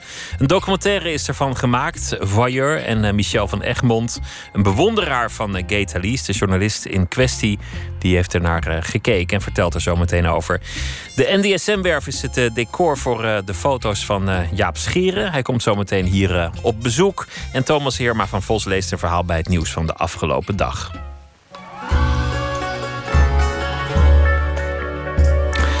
Vanavond eh, beleefde zijn eh, vijfde voorstelling de première. Die heet ook Vijf. En Anne-Jan Toornstra is iemand om in de gaten te houden. Want hij uh, won al eerder Kameretten in het Groningse Studentencabaret Festival. En toch staat zijn show niet bij heel veel theaters in Nederland nog geboekt. Dat is jammer. Goedenacht, Anne-Jan Toonstra. Goedenavond, goedenacht. Hoe ging, de, hoe ging de première? Ja, heel lekker. Het was heel fijn. Het was een hele volle zaal, 400 man. En ik ben tevreden. Ja, lijkt me toch altijd een spannend moment dat je, dat je, dat je daar staat. Klopt, ja. Het is, het is altijd een hele gekke combinatie van en heel leuk en zenuwslopend. Omdat je en je voorstelling verklaar je af. Dus mensen gaan er toch met een verwachting zitten. En, je, en er zitten ja, ook heel veel familie, vrienden en bekenden in de zaal. Uh, dus het is, ook, het is vooral een feestje. Dat is het eigenlijk vooral. Ja, bij, bij dat feestje hoort, hoort misschien één, één wat... wat uh somberder geluid. Maar je hebt er dit zelf ook over gesproken in het Dagblad van het Noorden. Dat het, dat het eigenlijk niet is gebeurd dat je, dat je show op heel veel plekken geboekt is in Nederland in de theaters. Klopt, dat is op dit moment wel een beetje het geval, ja. Hoe, hoe, is, dat, uh, hoe is dat te verklaren? Ja, dat, vind ik zelf soms heel, heel gek om de vinger op te leggen. Ik, ik weet ook niet precies hoe dat komt. Want uh, ja, dit is mijn vijfde voorstelling. En volgens mij maak ik gewoon hele goede voorstellingen. Ja, het zou te maken kunnen hebben met het feit dat ik in Groningen woon. Dat is, dat is dus de vraag in hoeverre het daarmee te maken heeft. Dat je niet in de Randstad zit en dat je dus niet in, uh, in het brandpunt van de aandacht zit van de media die toch veel in het westen zitten. Dus ik weet, ja, ik denk dan toch dat dat misschien ermee te maken heeft. Ik weet het niet. Dat zou zomaar kunnen dat uh, de, de, de, boekers en de journalisten en iedereen uh, de blik heeft gericht op uh, de Randstad en Amsterdam. Dat het zou tragisch Precies. zijn. Kijk, maar... ik, ik, ik ga, op dit moment ga ik ook, ging ik in, in Groningen in première. En dan weet je, landelijke kranten, bijvoorbeeld Volkskrant, NRC, Trouw, die, die gaan niet naar Groningen toe om daar naar de première te komen kijken. Dus dan blijft het onopgemerkt. Nou is Jochem Meijer ook uh, begonnen op het uh, Groninger Studenten Cabaret Festival, om maar iemand te noemen. En uh, Bert Visser komt uit die hoek, dus, dus er is nog hoop, zou ik zeggen. nou, ik ga er sowieso vanuit dat er nog hoop is. die heb je nog niet opgegeven. Het is helemaal niet dat ik hopeloos ben in die zin. Want ik speel ook gewoon wel en het is wel gewoon mijn werk, dus ik leef er wel van. Nou ja, laten we, laten we, niet, uh, laten we niet somberen. Ik hoop, uh, ik, ik, hoop dat je, je show nog wordt opgepakt. Want je hebt, je hebt een aantal grote prijzen gewonnen en uh, een aantal mooie recensies gehad. En dan zou je verwachten dat iedereen de kans krijgt om, om het voor zichzelf te zien. Dus, dus het is de enige somberheid die hoort bij, bij de voorstelling. Wat is, het, wat is het thema van je, van je voorstelling? Waar gaat het over? Uh, het, het, gaat, ja, ik zeg zelf, het gaat over woede, frustratie en agressie. Dat klinkt dan weer heel, heel somber, als ik het zo zeg. Maar uh, ik, ik vind het heel interessant om vanuit mijn eigen woede-aanvallen... die ik door mijn hele leven heen ja, af, af en toe al heb... om, daar, om, om daar vanuit woede en agressie en zo, te analyseren. En dat probeer ik in deze voorstelling een beetje te doen. Maar dan wel op een hele luchtige en hopelijke, grappige manier. Over de momenten dat jij opgefokt raakt. Ja, precies. Daar gaat het exact over eigenlijk. Dat heeft ook iets, iets gênants om daarover te praten. De momenten dat je, want je bent nu een heel, uh, heel, heel vriendelijke, beleefde jongen... maar dat, de momenten dat je jezelf verliest, daar hangt toch ook gêne omheen? Ja, ik ken maar tegelijkertijd dat, dat wat uh, gêne opwekt... of dat wat je, wat je, ja, waar, je, waar je eventueel schaamt over hebt... dat is natuurlijk wel precies hetgeen wat vaak interessant is om het juist over te hebben. Omdat ik het dan waarschijnlijk niet alleen heb... maar meer mensen het wel zullen herkennen. Wat zijn die momenten? Wanneer, wanneer uh, raak je opgefokt? Dat kan hele kleine dingetjes zitten. Dat, dat, gaat echt van een computer die net niet snel genoeg iets doet. Uh, wat er echt toe kan leiden dat ik echt computers sloop. echt kapot maak. Tot en met in een file staan en dan in mijn eentje in de auto schreeuwend tegen een file mezelf zien zitten in de auto. Herkenbaar. Ja, ik heb ook wel eens Ja. een computer doormidden geslagen die niet snel genoeg eh, iets wilde downloaden waarmee ik de, de problemen alleen maar erger maakte En natuurlijk. da- daar zit, daar zit dan ook een soort troost in. Dat je dat herkent bij elkaar. Van, oh, gelukkig, ik ben niet de enige die dat heeft. Dus, Ik ben niet de enige die zich laat, eh, fijn. laat opfokken door, eh, door Bill Gates en zijn, eh, zijn producten. Anne-Jan Toonstra, dankjewel. Heel veel succes met de voorstelling nummer 5 vandaag in première gegaan in Groningen. En hopelijk te zien in een theater bij iedereen in de buurt. Dankjewel. Goeienacht. Dankjewel.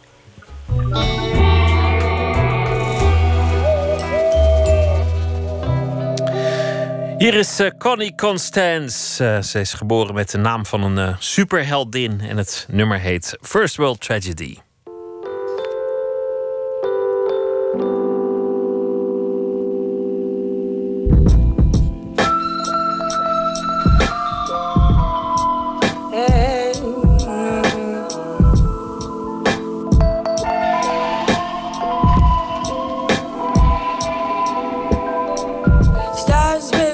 In my pool of gravity. Off white, scuffed up, like the world is mad at me.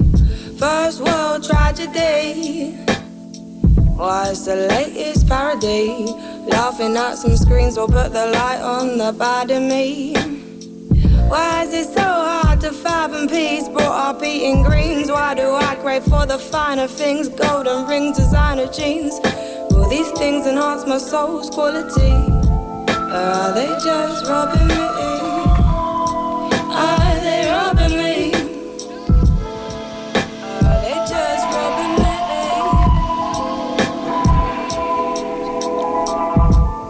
Walking through life in a general haze. You wake up and you double your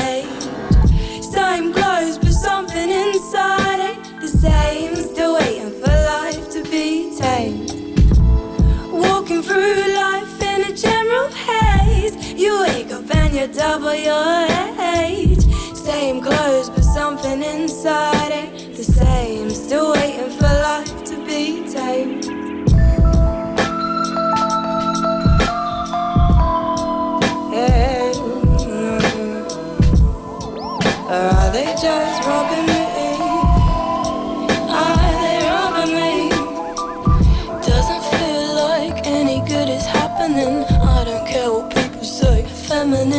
Masculine. The human race is full of greed. The way we really need all the shit we worry about means now the narcissism we post about editing our images, endorsements, paying for our pals. You're so sick cause you got those for free. We're all sick from this money disease. Are they just robbing me?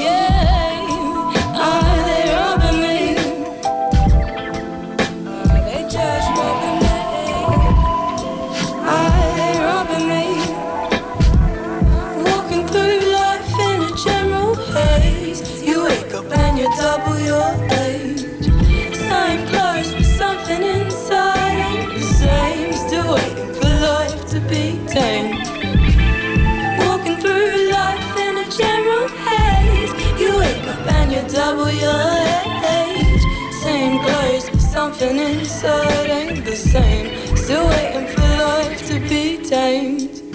Your addiction will cut off your dick soon. You'll stay silent when your dealer's dropping new shoes.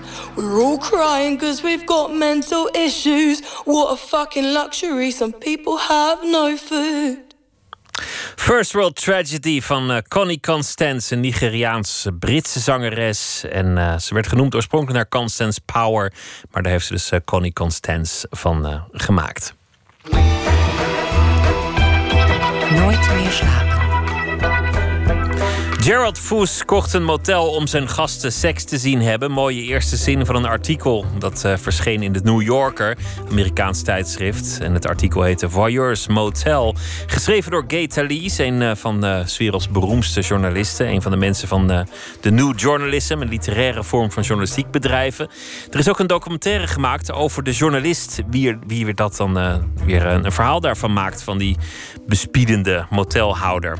Nederlands best verkopende schrijver Michel van Egmond, een groot fan van Thalys, die bekeek de film en Emmy Colau sprak met hem daarover. Michel, je haalt iets uit het toilet. Ja, dat doe ik niet eh, voor elke gast die bij mij komt hoor. Dat je niet denkt dat ik zelf ook een soort freak ben.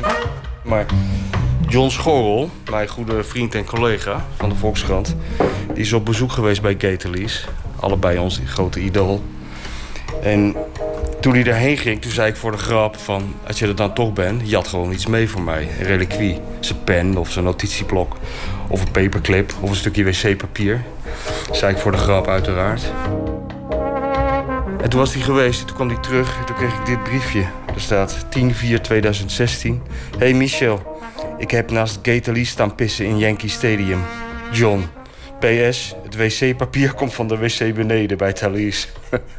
dus dat heb ik ingelijst, dat wc-papiertje. En dat briefje van John. En dat staat nou al eh, een jaar ongeveer op mijn toilet. Mensen denken dat ik volledig eh, geschift ben als ze hier een plasje doen. Maar eh, ik ben er trots op.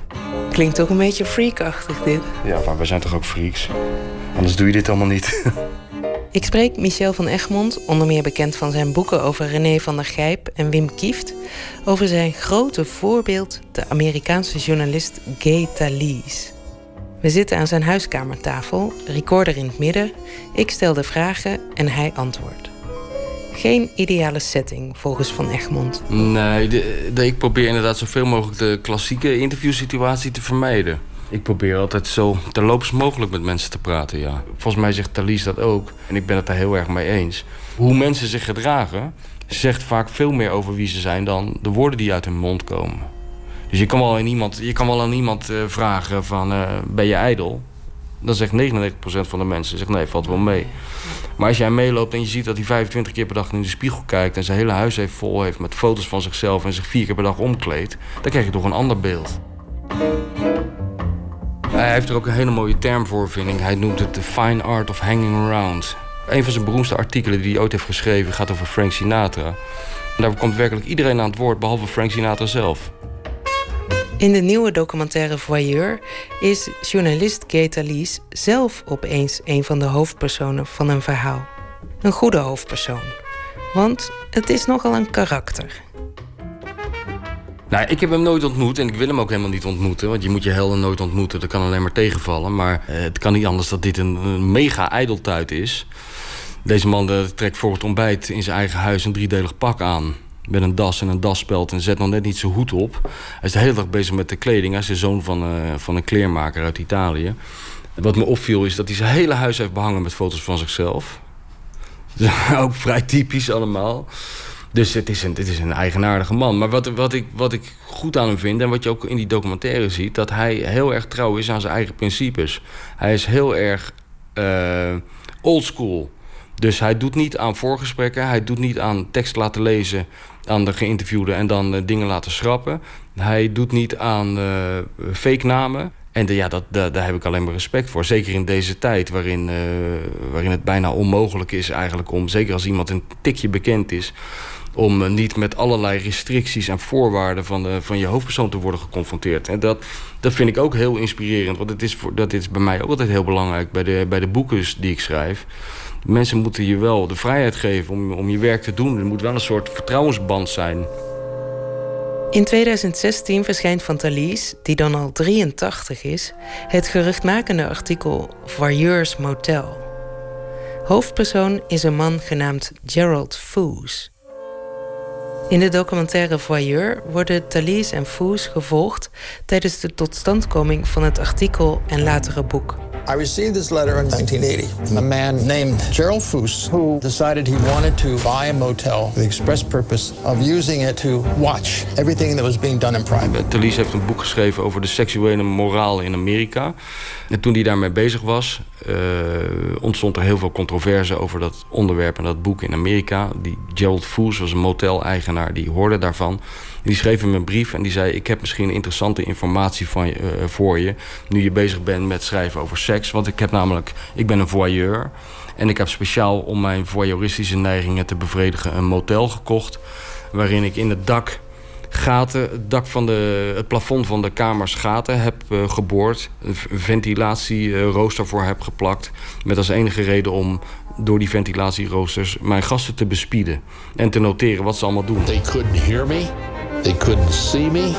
That was exactly what I wanted. Nou, dat is natuurlijk geweldig als je zo als, als, als reporter zo'n brief krijgt. Het enige was dat hij de restrictie had dat hij niet met naam en toenaam genoemd wilde worden. En dat ook de naam van het motel niet genoemd uh, mocht worden. Nou ja, toen zag je hoe, hoe strikt Thalys in de leer is. Want toen zei hij, dan ben ik er niet in geïnteresseerd. Want ik schrijf alleen over echte mensen met hun echte namen. En toen is dat verhaal eigenlijk heel lang blijven liggen. Ik, ik geloof wel, wel, wel, wel 30 jaar, nog langer. En uiteindelijk... Uh, kwam het moment, het motel was al lang verkocht. Die man uh, was oud. En op een gegeven moment was, het, was de tijd rijp om het verhaal te vertellen. En ik vond het allemaal heel interessant om te zien, omdat ik heb dat ook meegemaakt bijvoorbeeld met Wim Kieft. Om het maar weer eens even om mezelf te betrekken. uh, die heeft ook 18 jaar lang een geheim met zich meegedragen. Namelijk zijn verslaving aan cocaïne en alcohol. En opeens was het moment rijp om het te vertellen. En toen was ik er om het op te schrijven. I spent more than 25 years waiting to bring his story and him as a person into the public eye.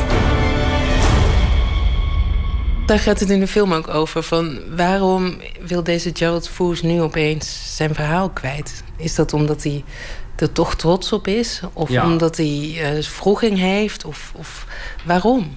Ja, hij heeft geen voeging. Uh, hij wil het kwijt omdat hij zichzelf heeft uh, wijsgemaakt dat hij niet een of andere freak is. Niet, niet, een, een, een, een soort, ja, niet een voyeur in de klassieke zin van het woord. Iemand die het doet om, uh, voor het seksuele gerief, zal ik maar zeggen.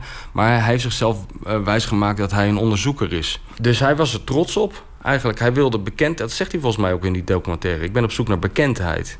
Dus uh, het is helemaal niet zo dat hij zich, zich schaamt. Hij is er trots op. Hij is er ook trots op dat de beroemdste verslaggever ter wereld hem komt opzoeken om erover te schrijven. Ze lijken ergens ook wel een beetje op elkaar uh, te lezen en deze, ja. deze voyeur. Dat is het interessante eraan. zeker in het begin, in de eerste vijf minuten van die docu, uh, zegt Thalys een aantal dingen over die Gerald Foos die, die 100% op hem slaan eigenlijk. Kijk, Foos haalt ook zijn genot uit het observeren van anderen. En leeft eigenlijk het leven door het leven van de mensen die die bespiedt. Nou, dat doet Thalys ook. Als de meeste journalisten voyeurs zijn, zoals Thalys beweert, dan woont Michel van Egmond goed.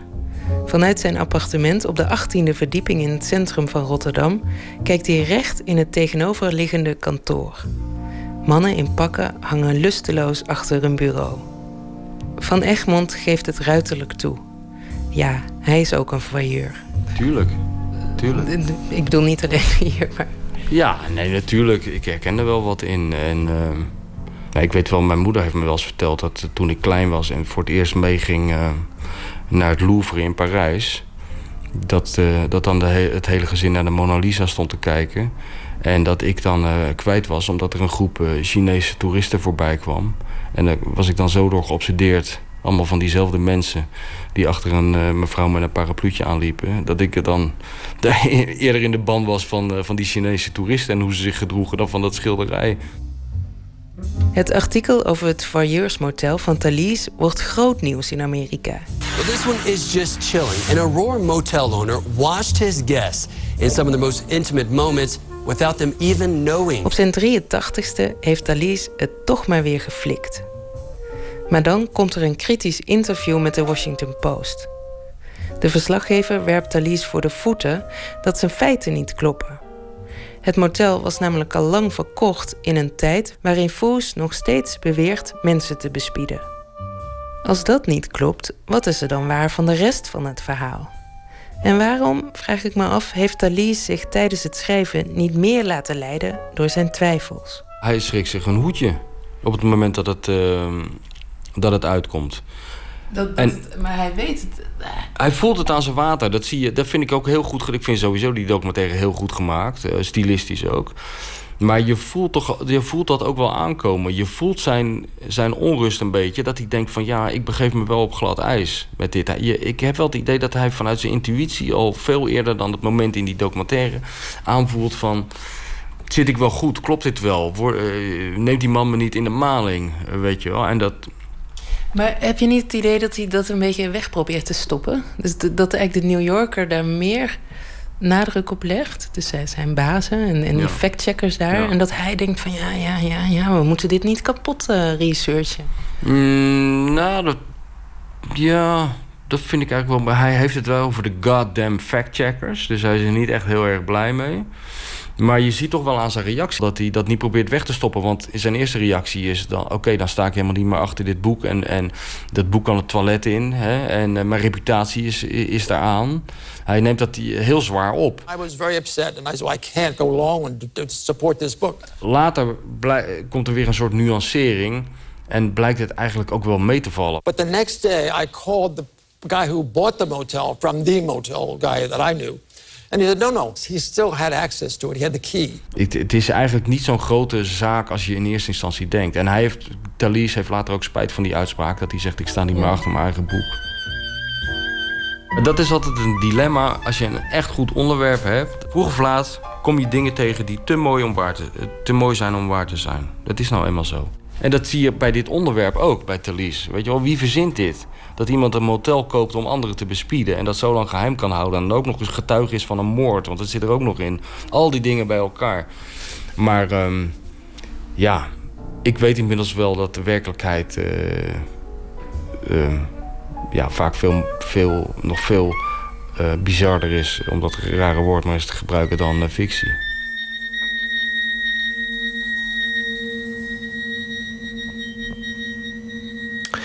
Al dus uh, Michel van Egmond in gesprek met uh, Emmy Colau. En de documentaire voor yours te zien via Netflix. En het uh, artikel van Thalys is te lezen op de website van The New Yorker. Gratis en voor nop. De Cinematic Orchestra en het nummer heet To Build a Home.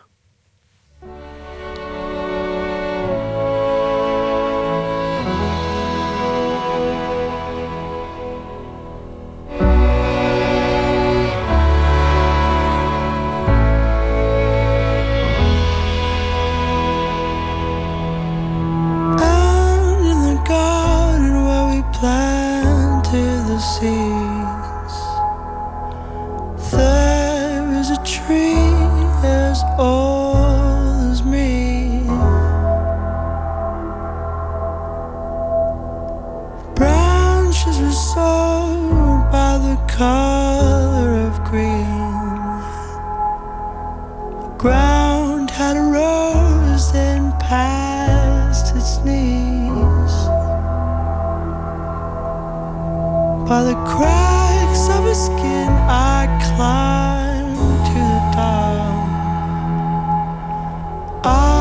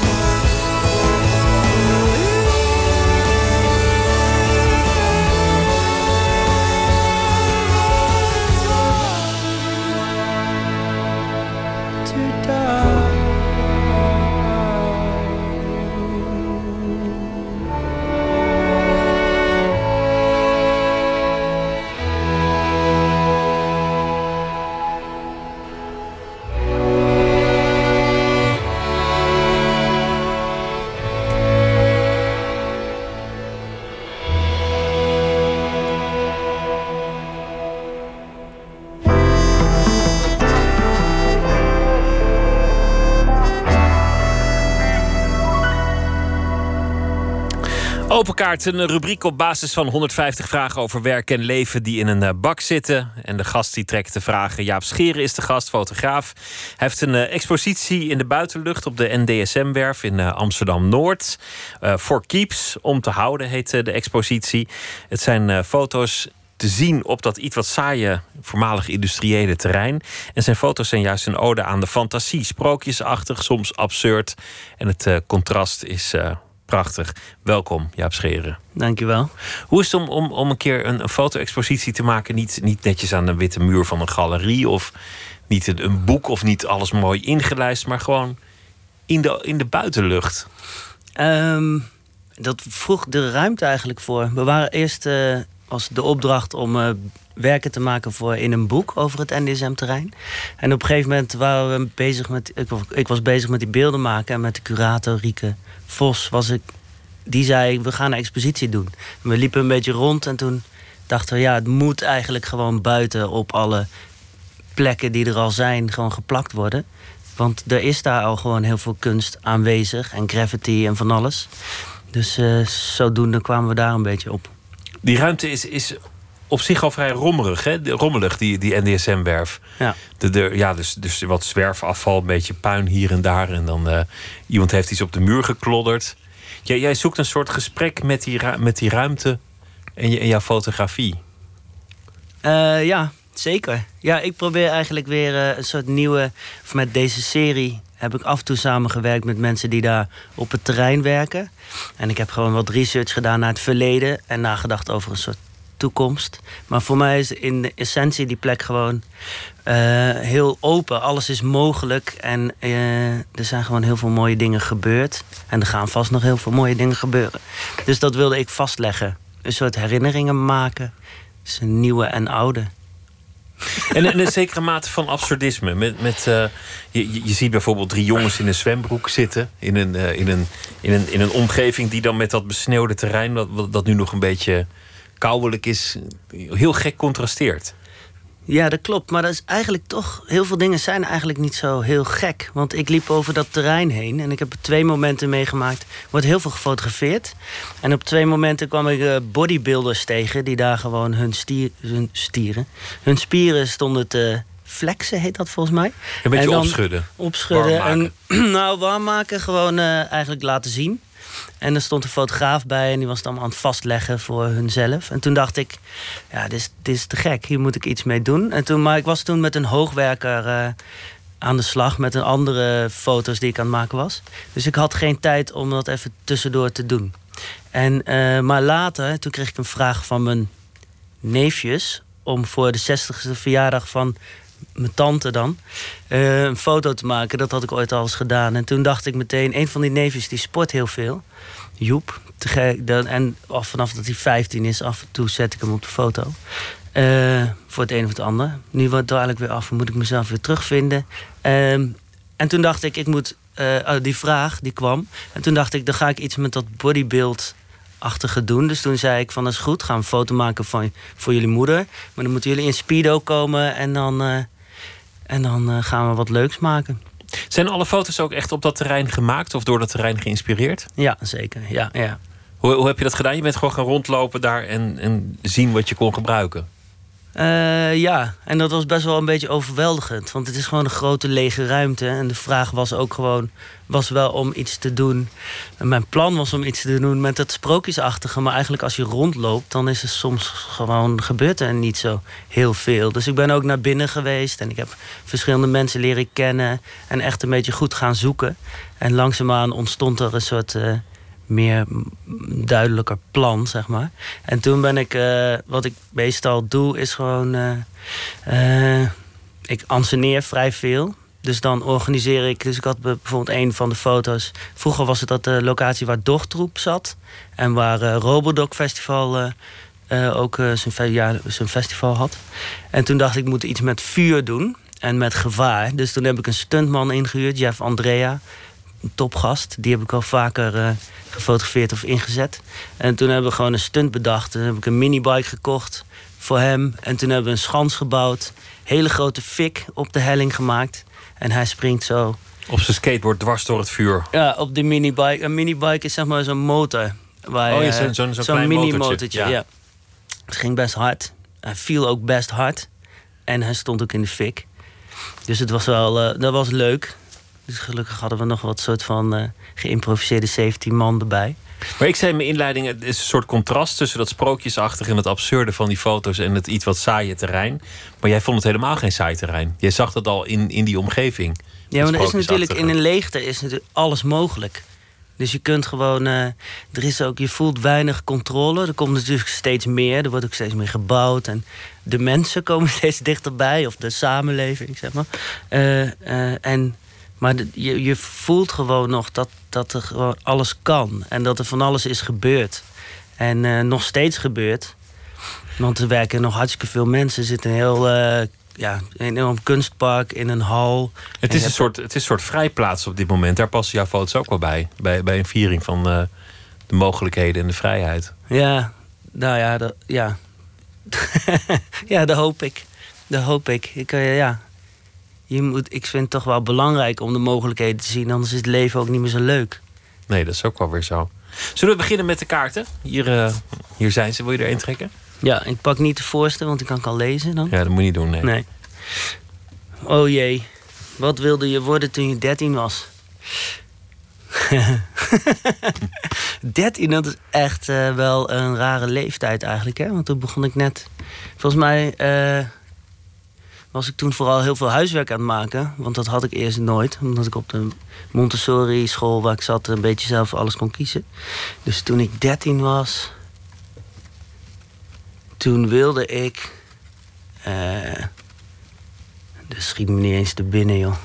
Maar ja, wat wil je worden als je 13 bent? Vrachtwagenchauffeur of uh, piloot of uh, generaal? Ja, of, ik wilde op een bepaald moment wel piloot worden. Mijn dertiende wilde ik niks worden. Toen wilde ik gewoon nog kind blijven. Denk ik. Volgens mij verlangde ik toen heel erg terug naar de basisschool. Is de dat een beetje. Het Ja. vertrouwde, de vrijheid. Ja, eigenlijk elk moment waarop je weer een nieuwe stap zet in je leven. Zeg maar, want je van de ene fase in een andere stap, dan wil je weer terug naar die eerste. Dan merk je hoe fijn eigenlijk en veilig die, de, de andere plek was. En hoe weinig je nog van je verwacht werd eigenlijk. Zo naarmate het leven vordert, wordt er steeds meer van je ver- verwacht of verlangd. En dat, eh volgens mij wil je, ja, ik wilde op dat moment vooral terug. En, en wanneer wist je dat je fotograaf wilde worden? Eh, nou, en toen, dat was rond een jaar of 16. Toen ben ik blijven zitten. Tot vonden mijn ouders echt verschrikkelijk. Want niemand zag het aankomen. maar ik had, een, eh, ik had heel erg eh, zo'n B-pakket. Met de wiskunde, natuurkunde, scheikunde. En scheikunde ging valikant mis. Want ik vond het heel leuk om de proefjes te doen. Maar het jaar daarop hadden ze niet verteld dat je dan vervolgens alle formules en zo moest gaan doen. Dus dat je gewoon hele abstracte dingen naast elkaar krijgt. Dus ik bleef zitten, maakt niet uit. Mijn moeder die doet, eh, die werkt in de human, weet je wat, die werkt met, eh, oh dit is Human heel erg als ze dit terug hoort. Ja, dus ik moest allemaal beroepskeuzetesten doen van haar. En daar kwam uit dat ik theoloog moest worden of, eh, of iets, iets met de kunst. Dus toen dacht ik, nou ga ik gewoon cursussen volgen. Toen ben ik eerst schilderen gaan doen. En toen kwam ik elke keer langs een fotografieklas. En dat zag gewoon heel erg leuk uit. Dus ik ben daar naar binnen gestapt. En op een gegeven moment zo, na twee, drie maanden... kwam ik eigenlijk alleen nog maar... liep ik gewoon meteen naar de fotografie. Want het was gewoon de, mijn meest magische plek. En- ik hoefde daar ook niks te kunnen. Want je kon gewoon iets bouwen en maken en construeren. En dan leg je het vast met die camera. En dat schilderen, dat lukte me gewoon nooit. Dus het was gewoon, eh, ja... En je- in de donkere kamer verschijnt er, is er gewoon het magisch. Als het magisch- tevoorschijn komt. Ja. En dat je het nog een beetje kan manipuleren. En je kunt dus, het, het gaat over, fotografie gaat altijd over herinnering. En herinnering is ook een soort fluïde ding, weet je wel. En Want, jij, jij, eh, jij hebt er altijd van gehouden om dingen te maken. Om, om, om zeg maar niet eh, zozeer portretten te gaan doen of, eh, of, of, of een soort persfotografie. Maar liefst iets dat je zelf als het ware in gang zet. Dat je fotografeert. Eh, ja. Ik wil gewoon eigenlijk mijn perspectief laten zien. En zo open mogelijk weer naar buiten brengen, zodat iedereen zijn eigen blik daarop kan werpen en zijn eigen verhaal daarin kan eh, maken. Want iedereen maakt nou eenmaal iets anders mee. Als wij hier samen zitten, zit jij hier met een ander eh, perspectief en een ander gevoel als wat, hoe ik hier zit. Zullen we nog een kaart doen? Ja. Nooit meer slapen. Verkeerde kant. Kan je leven van wat je doet? Eh, ja. Sinds, eh, ik denk een jaartje of tien kan ik wel van leven. Dus de eerste vijf jaar was ingewikkeld. En nu kan ik ervan leven. Alleen ik geef veel te veel geld uit aan, eh, aan leuke dingen maken. En dat, dus de balans is af en toe een beetje... Je steekt veel geld in, je, in die projecten. In, ja. In, steeds, in steeds absurdere creaties. Ja, precies. Ik schat gewoon alles gewoon eh, altijd verkeerd in. En dan loopt het uit de hand. En dan eh, wordt stunt- het wel tof. Maar dan ben ik wel door weer het vuur, arm. Dat kost natuurlijk gewoon geld. Eh, ja. ja, ik vind wel dat ik, dan, eh, dat ik hem dan moet betalen. Ja, dat vind ik ook wel. Ja, ik doe toch iets gevaarlijks. En ja, iets wat ik hem heb gevraagd. En, maar het is ook een samenwerking. Ja. Eh, nee, dus dat kost allemaal geld, ja. Laten we nog een vraag doen. Yes. Wat beschouw je als succes? Eh, nou, eigenlijk eh, die vraag hiervoor was dat dan? Dat je kan leven van wat je doet. En dat je, dat je daar eh, lol in blijft houden. En dat je ook gewoon een goede mix hebt met privéleven en je werk. En dat eigenlijk vooral dat je een beetje gelukkig wordt van wat je doet. Dat Ja. beschouw ik eigenlijk al als succes. Vind ik een prachtig antwoord. We gaan er nog één doen. Welke beslissing zou je het liefst terugdraaien? Dat is een goeie. Eh, welke beslissing zou je het liefst terugdraaien? Ja, dat is ingewikkeld, hè? Want je leven loopt zoals het loopt. Dus elke gebeurtenis die heeft eh, ook weer zeg maar, alles in gang gebracht tot waar ik nu ben. Maar één vervelend moment was wel dat. eh, eh, ja, welke gebeurtenis. Dat ik een keer in Polen stond en er drie maanden, drie maanden op reis wilde. En, eh, en na drie weken werd de bus gejat met alle fotoapparatuur en alle foto's die tot dan toe gemaakt werden, eh, zijn. En dat, eh, dat je daar dan in je korte broek, met gelukkig had ik wel mijn paspoort nog in mijn zak, weer langzaam terug moet. Weet je?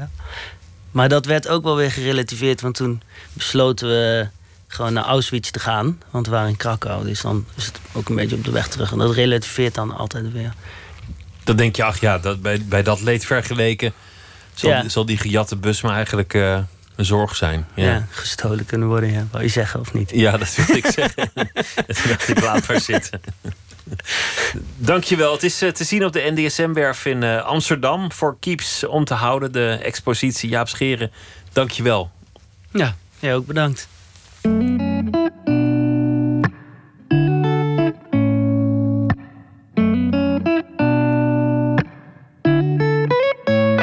Take away the big shirts, the tattoos, the sweatpants and vans. Okay, I don't wear no makeup, no purse in my hands. My resting bitch face is mistaken for the mean girl. But what if I told you there's nothing I want more in this world than somebody who loves me naked? Someone who never asks for love but knows how to take it. Are you that somebody sees a wall and breaks it? Are you ready to fight just to see what's lost behind my flaws? Can you love me naked? Yeah, yeah, yeah, yeah, yeah, yeah, naked. Yeah, yeah, yeah, yeah, yeah, yeah, naked. Oh, uh, yeah, yeah. Might be a bitch in the morning, so catch me at nighttime. Some of my friends think I'm moody, but I think I'm just fine. I could be pissed, but I act like I'm not. I really remember when I say I forgot. No matter how hard I try to run away from love at the end of the night, I need somebody who loves me naked. Someone who never asks for love, but knows how to take it. Are you that somebody sees a wall and breaks it? Are you ready to fight just to see what's lost behind my flaws? Can you love me naked? Yeah, yeah, yeah, yeah, yeah, yeah, naked. Yeah, yeah, yeah, yeah, yeah, yeah, naked. I need someone who loves me when I wake up. Who thinks I'm beautiful when I'm looking fucked up? Love. Am I asking too much? Someone who shoots for the stars, knowing nothing. I'm not ain't good enough. I need somebody who loves me naked. Someone who never asks for love, but knows how to take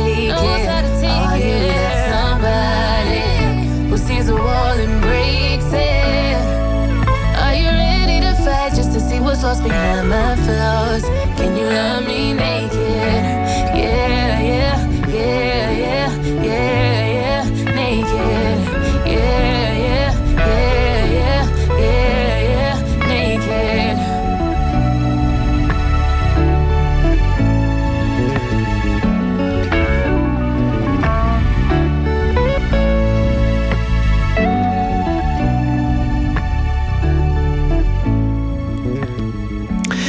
May, ze is 22 jaar, ze komt uit eh, Londen en dit nummer heet Naked. Eén minuut, deze heet Onschuldig Meisje.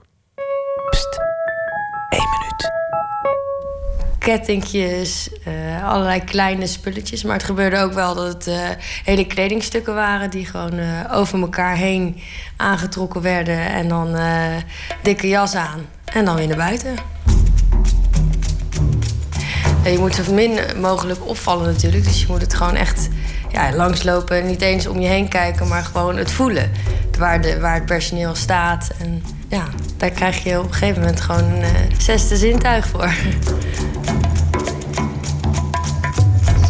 Lief, schattig, eerlijk.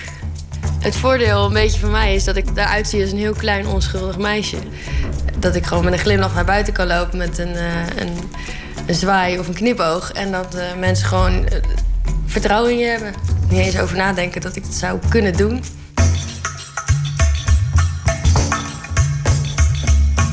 Als ik een keer gepakt zou zijn, denk ik dat ik er nu met minder plezier op terug zou kunnen kijken.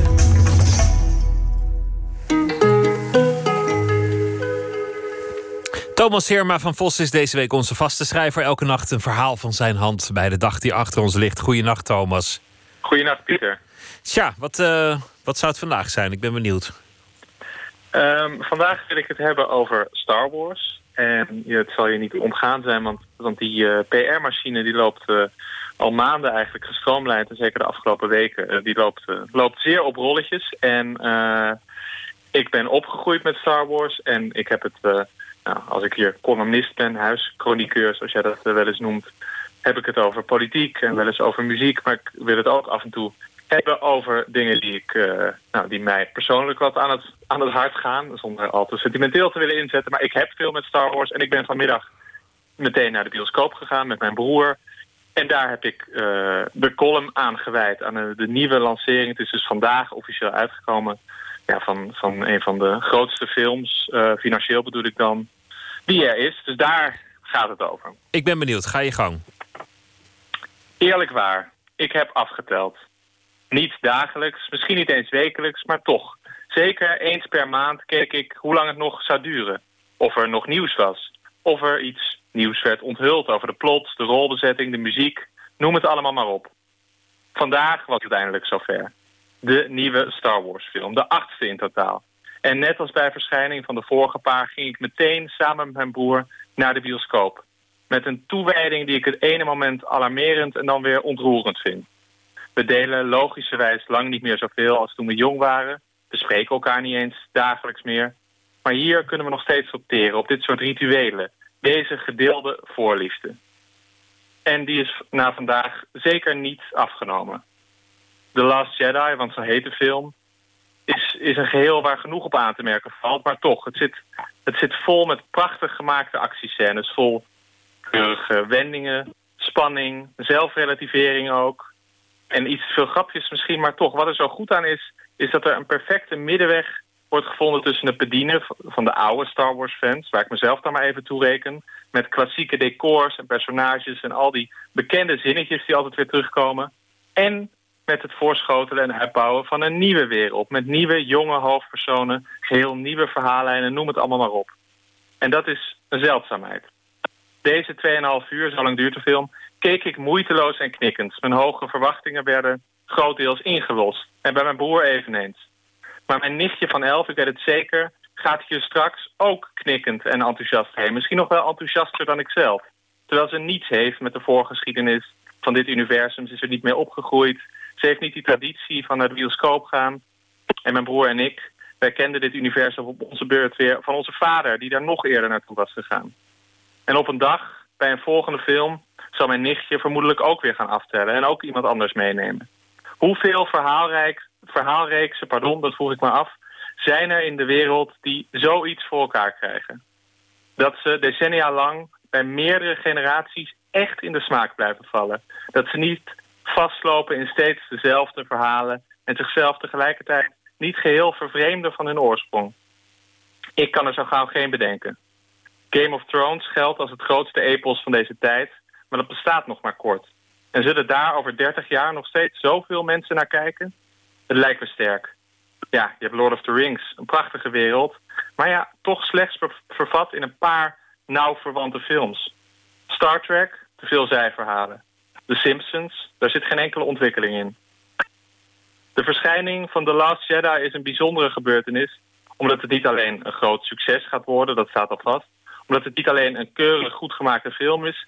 maar vooral omdat het een geweldig fantasie-universum weer 10, 20, 30 extra levensjaren geeft.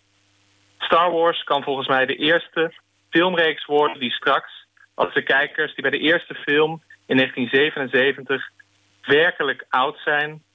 De eerste filmreeks die meegroeit met iemands gehele leven. En die dat vervolgens overleeft. nieuwe generaties en verhalen tegemoet. Nieuwe generaties, al uh, ja, 40 jaar bestaat het Star Wars. Ja. Ik kan me herinneren dat ik er naartoe ging en dat toen, toen iemand tegen mij zei van ja, uh, uh, later zal het, jij zal misschien nog wel meemaken dat, dat we echt aliens hebben gezien en echt naar andere bewoner planeten reizen en dat soort dingen. En dat, nu, nu denk ik ineens, ja, ik ben eigenlijk wel teleurgesteld. Ik vind, vind het allemaal niet echt is opgeschoten met de ruimtevaart en de, en de aliens in de andere werelden. Nee, wanneer was dit? Wanneer werd je hiermee naartoe genomen en hiermee geconfronteerd? Nou, 1982 of zo denk ik dat ik voor het eerst naar, uh, naar Star Wars ging. Ja, ja op dat vlak uh, is er niet veel veranderd. We moeten het nog steeds met de science fiction doen. Ja, ik bedoel, we hebben dan met een karretje op Mars. Maar ja, daar, daar, daar ga je geen film van maken, een karretje op Mars. Toch? Nee, ook, ook dat gebeurt, maar dat gaat er niet zo levendig aan toe als in deze films, die er ook echt steeds uh, prachtiger uitzien. Waarbij ik dan toch nog wel tot slot van, de, dat werd een beetje een ode, wel de kanttekening bij wil maken. Het, is, het wordt nu allemaal gemaakt door Disney. En dat zie je er ook wel aan af. Dus het is, de kanttekening van dit alles is dat het een soort, toch wel een erg hapklaar uh, uh, massaproduct wordt. Maar goed, ik ben dan gewoon onderdeel van die massa en ik werk het met, uh, met graagte naar binnen. Thomas, dankjewel. Goeienacht. En, uh, ja, hetzelfde. Goeienacht. Morgen weer. Tot morgen. Tot morgen.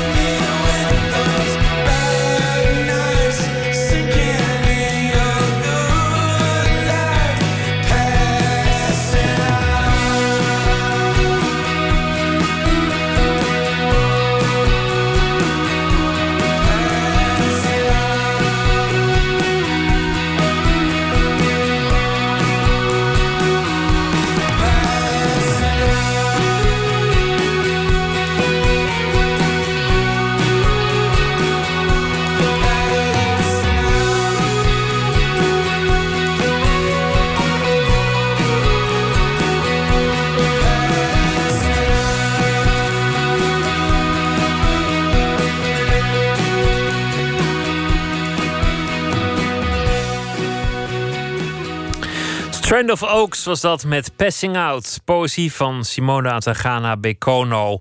En uh, dit is een gedicht uit de bundel Hoe de eerste vonken zichtbaar werden.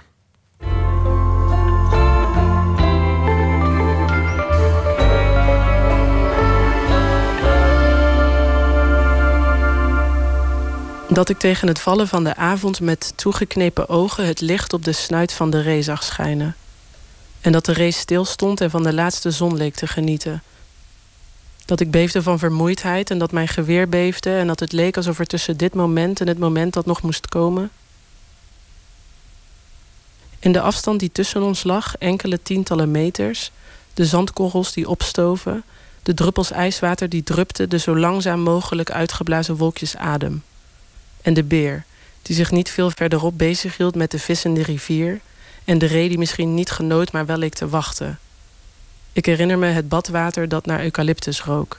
De man die een meer in wandelde en zei dat hij zowel hier als nergens was. Dit is een fragment uit gedicht 7. Het leidt de, het laatste deel van de bundel in, genaamd Vonken. Waarin de, het hoofdpersonage een bepaald soort verandering doormaakt. En even een soort. Nou ja, ik beschrijf het als een soort uh, epiphany of zo. En dat waardoor ze denkt dat ze misschien een kans heeft om zich te onttrekken aan uh, alle stereotypes en stigma's die er om haar heen hangen. Dat ik tegen het vallen van de avond met toegeknepen ogen het licht op de snuit van de beer zag schijnen. En dat de race stilstond en van de laatste zon leek te genieten. Dat ik beefde van vermoeidheid en dat mijn geweer beefde. En dat het leek alsof er tussen dit moment en het moment dat nog moest komen. In de afstand die tussen ons lag, enkele tientallen meters, de zandkorrels die opstoven, de druppels ijswater die drupten. De zo langzaam mogelijk uitgeblazen wolkjes adem en de beer, die zich niet veel verderop bezig hield met de vis in de rivier en de ree die misschien niet genoot, maar wel leek te wachten. Ik herinner me het badwater dat naar eucalyptus rook. De man die een meer in wandelde en zei dat hij zowel hier als nergens was.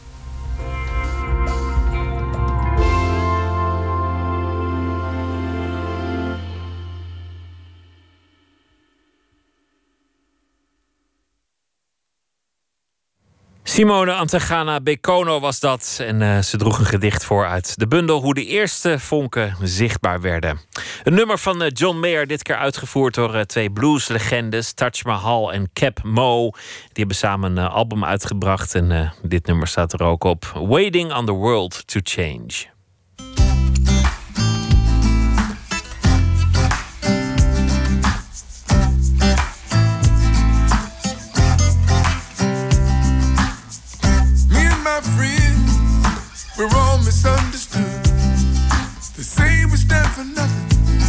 No way we ever could.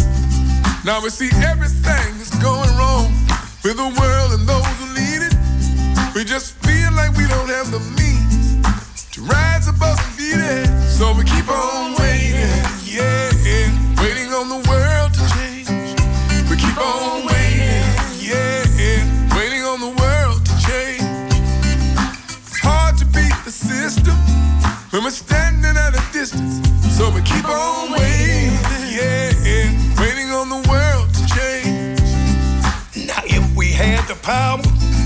to bring our neighbors home from war, they would have never missed a Christmas.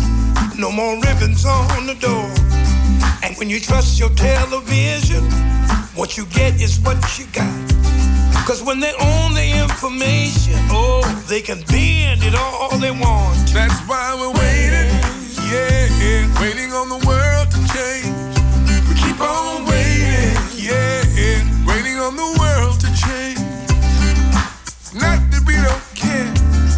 just know that the fight ain't there. So we keep on waiting, yeah, waiting on the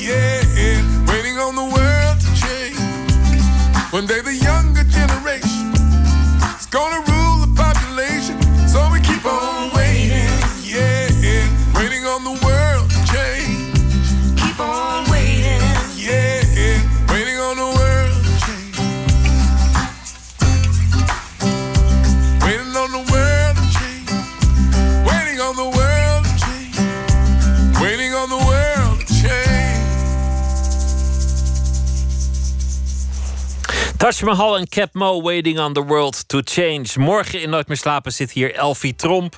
En die gaat in gesprek met uh, journalist Juri Boom.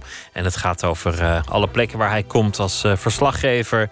Zuid-Azië, New Delhi, Libanon, Darfur, Irak, Afghanistan, Libië. Ga zo maar even door. Dat allemaal morgen in Nooit meer slapen.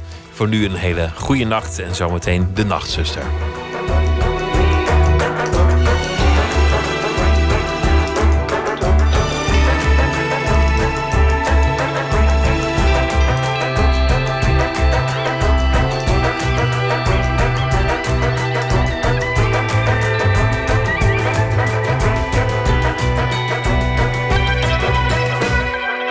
Radio 1, het nieuws van alle kanten.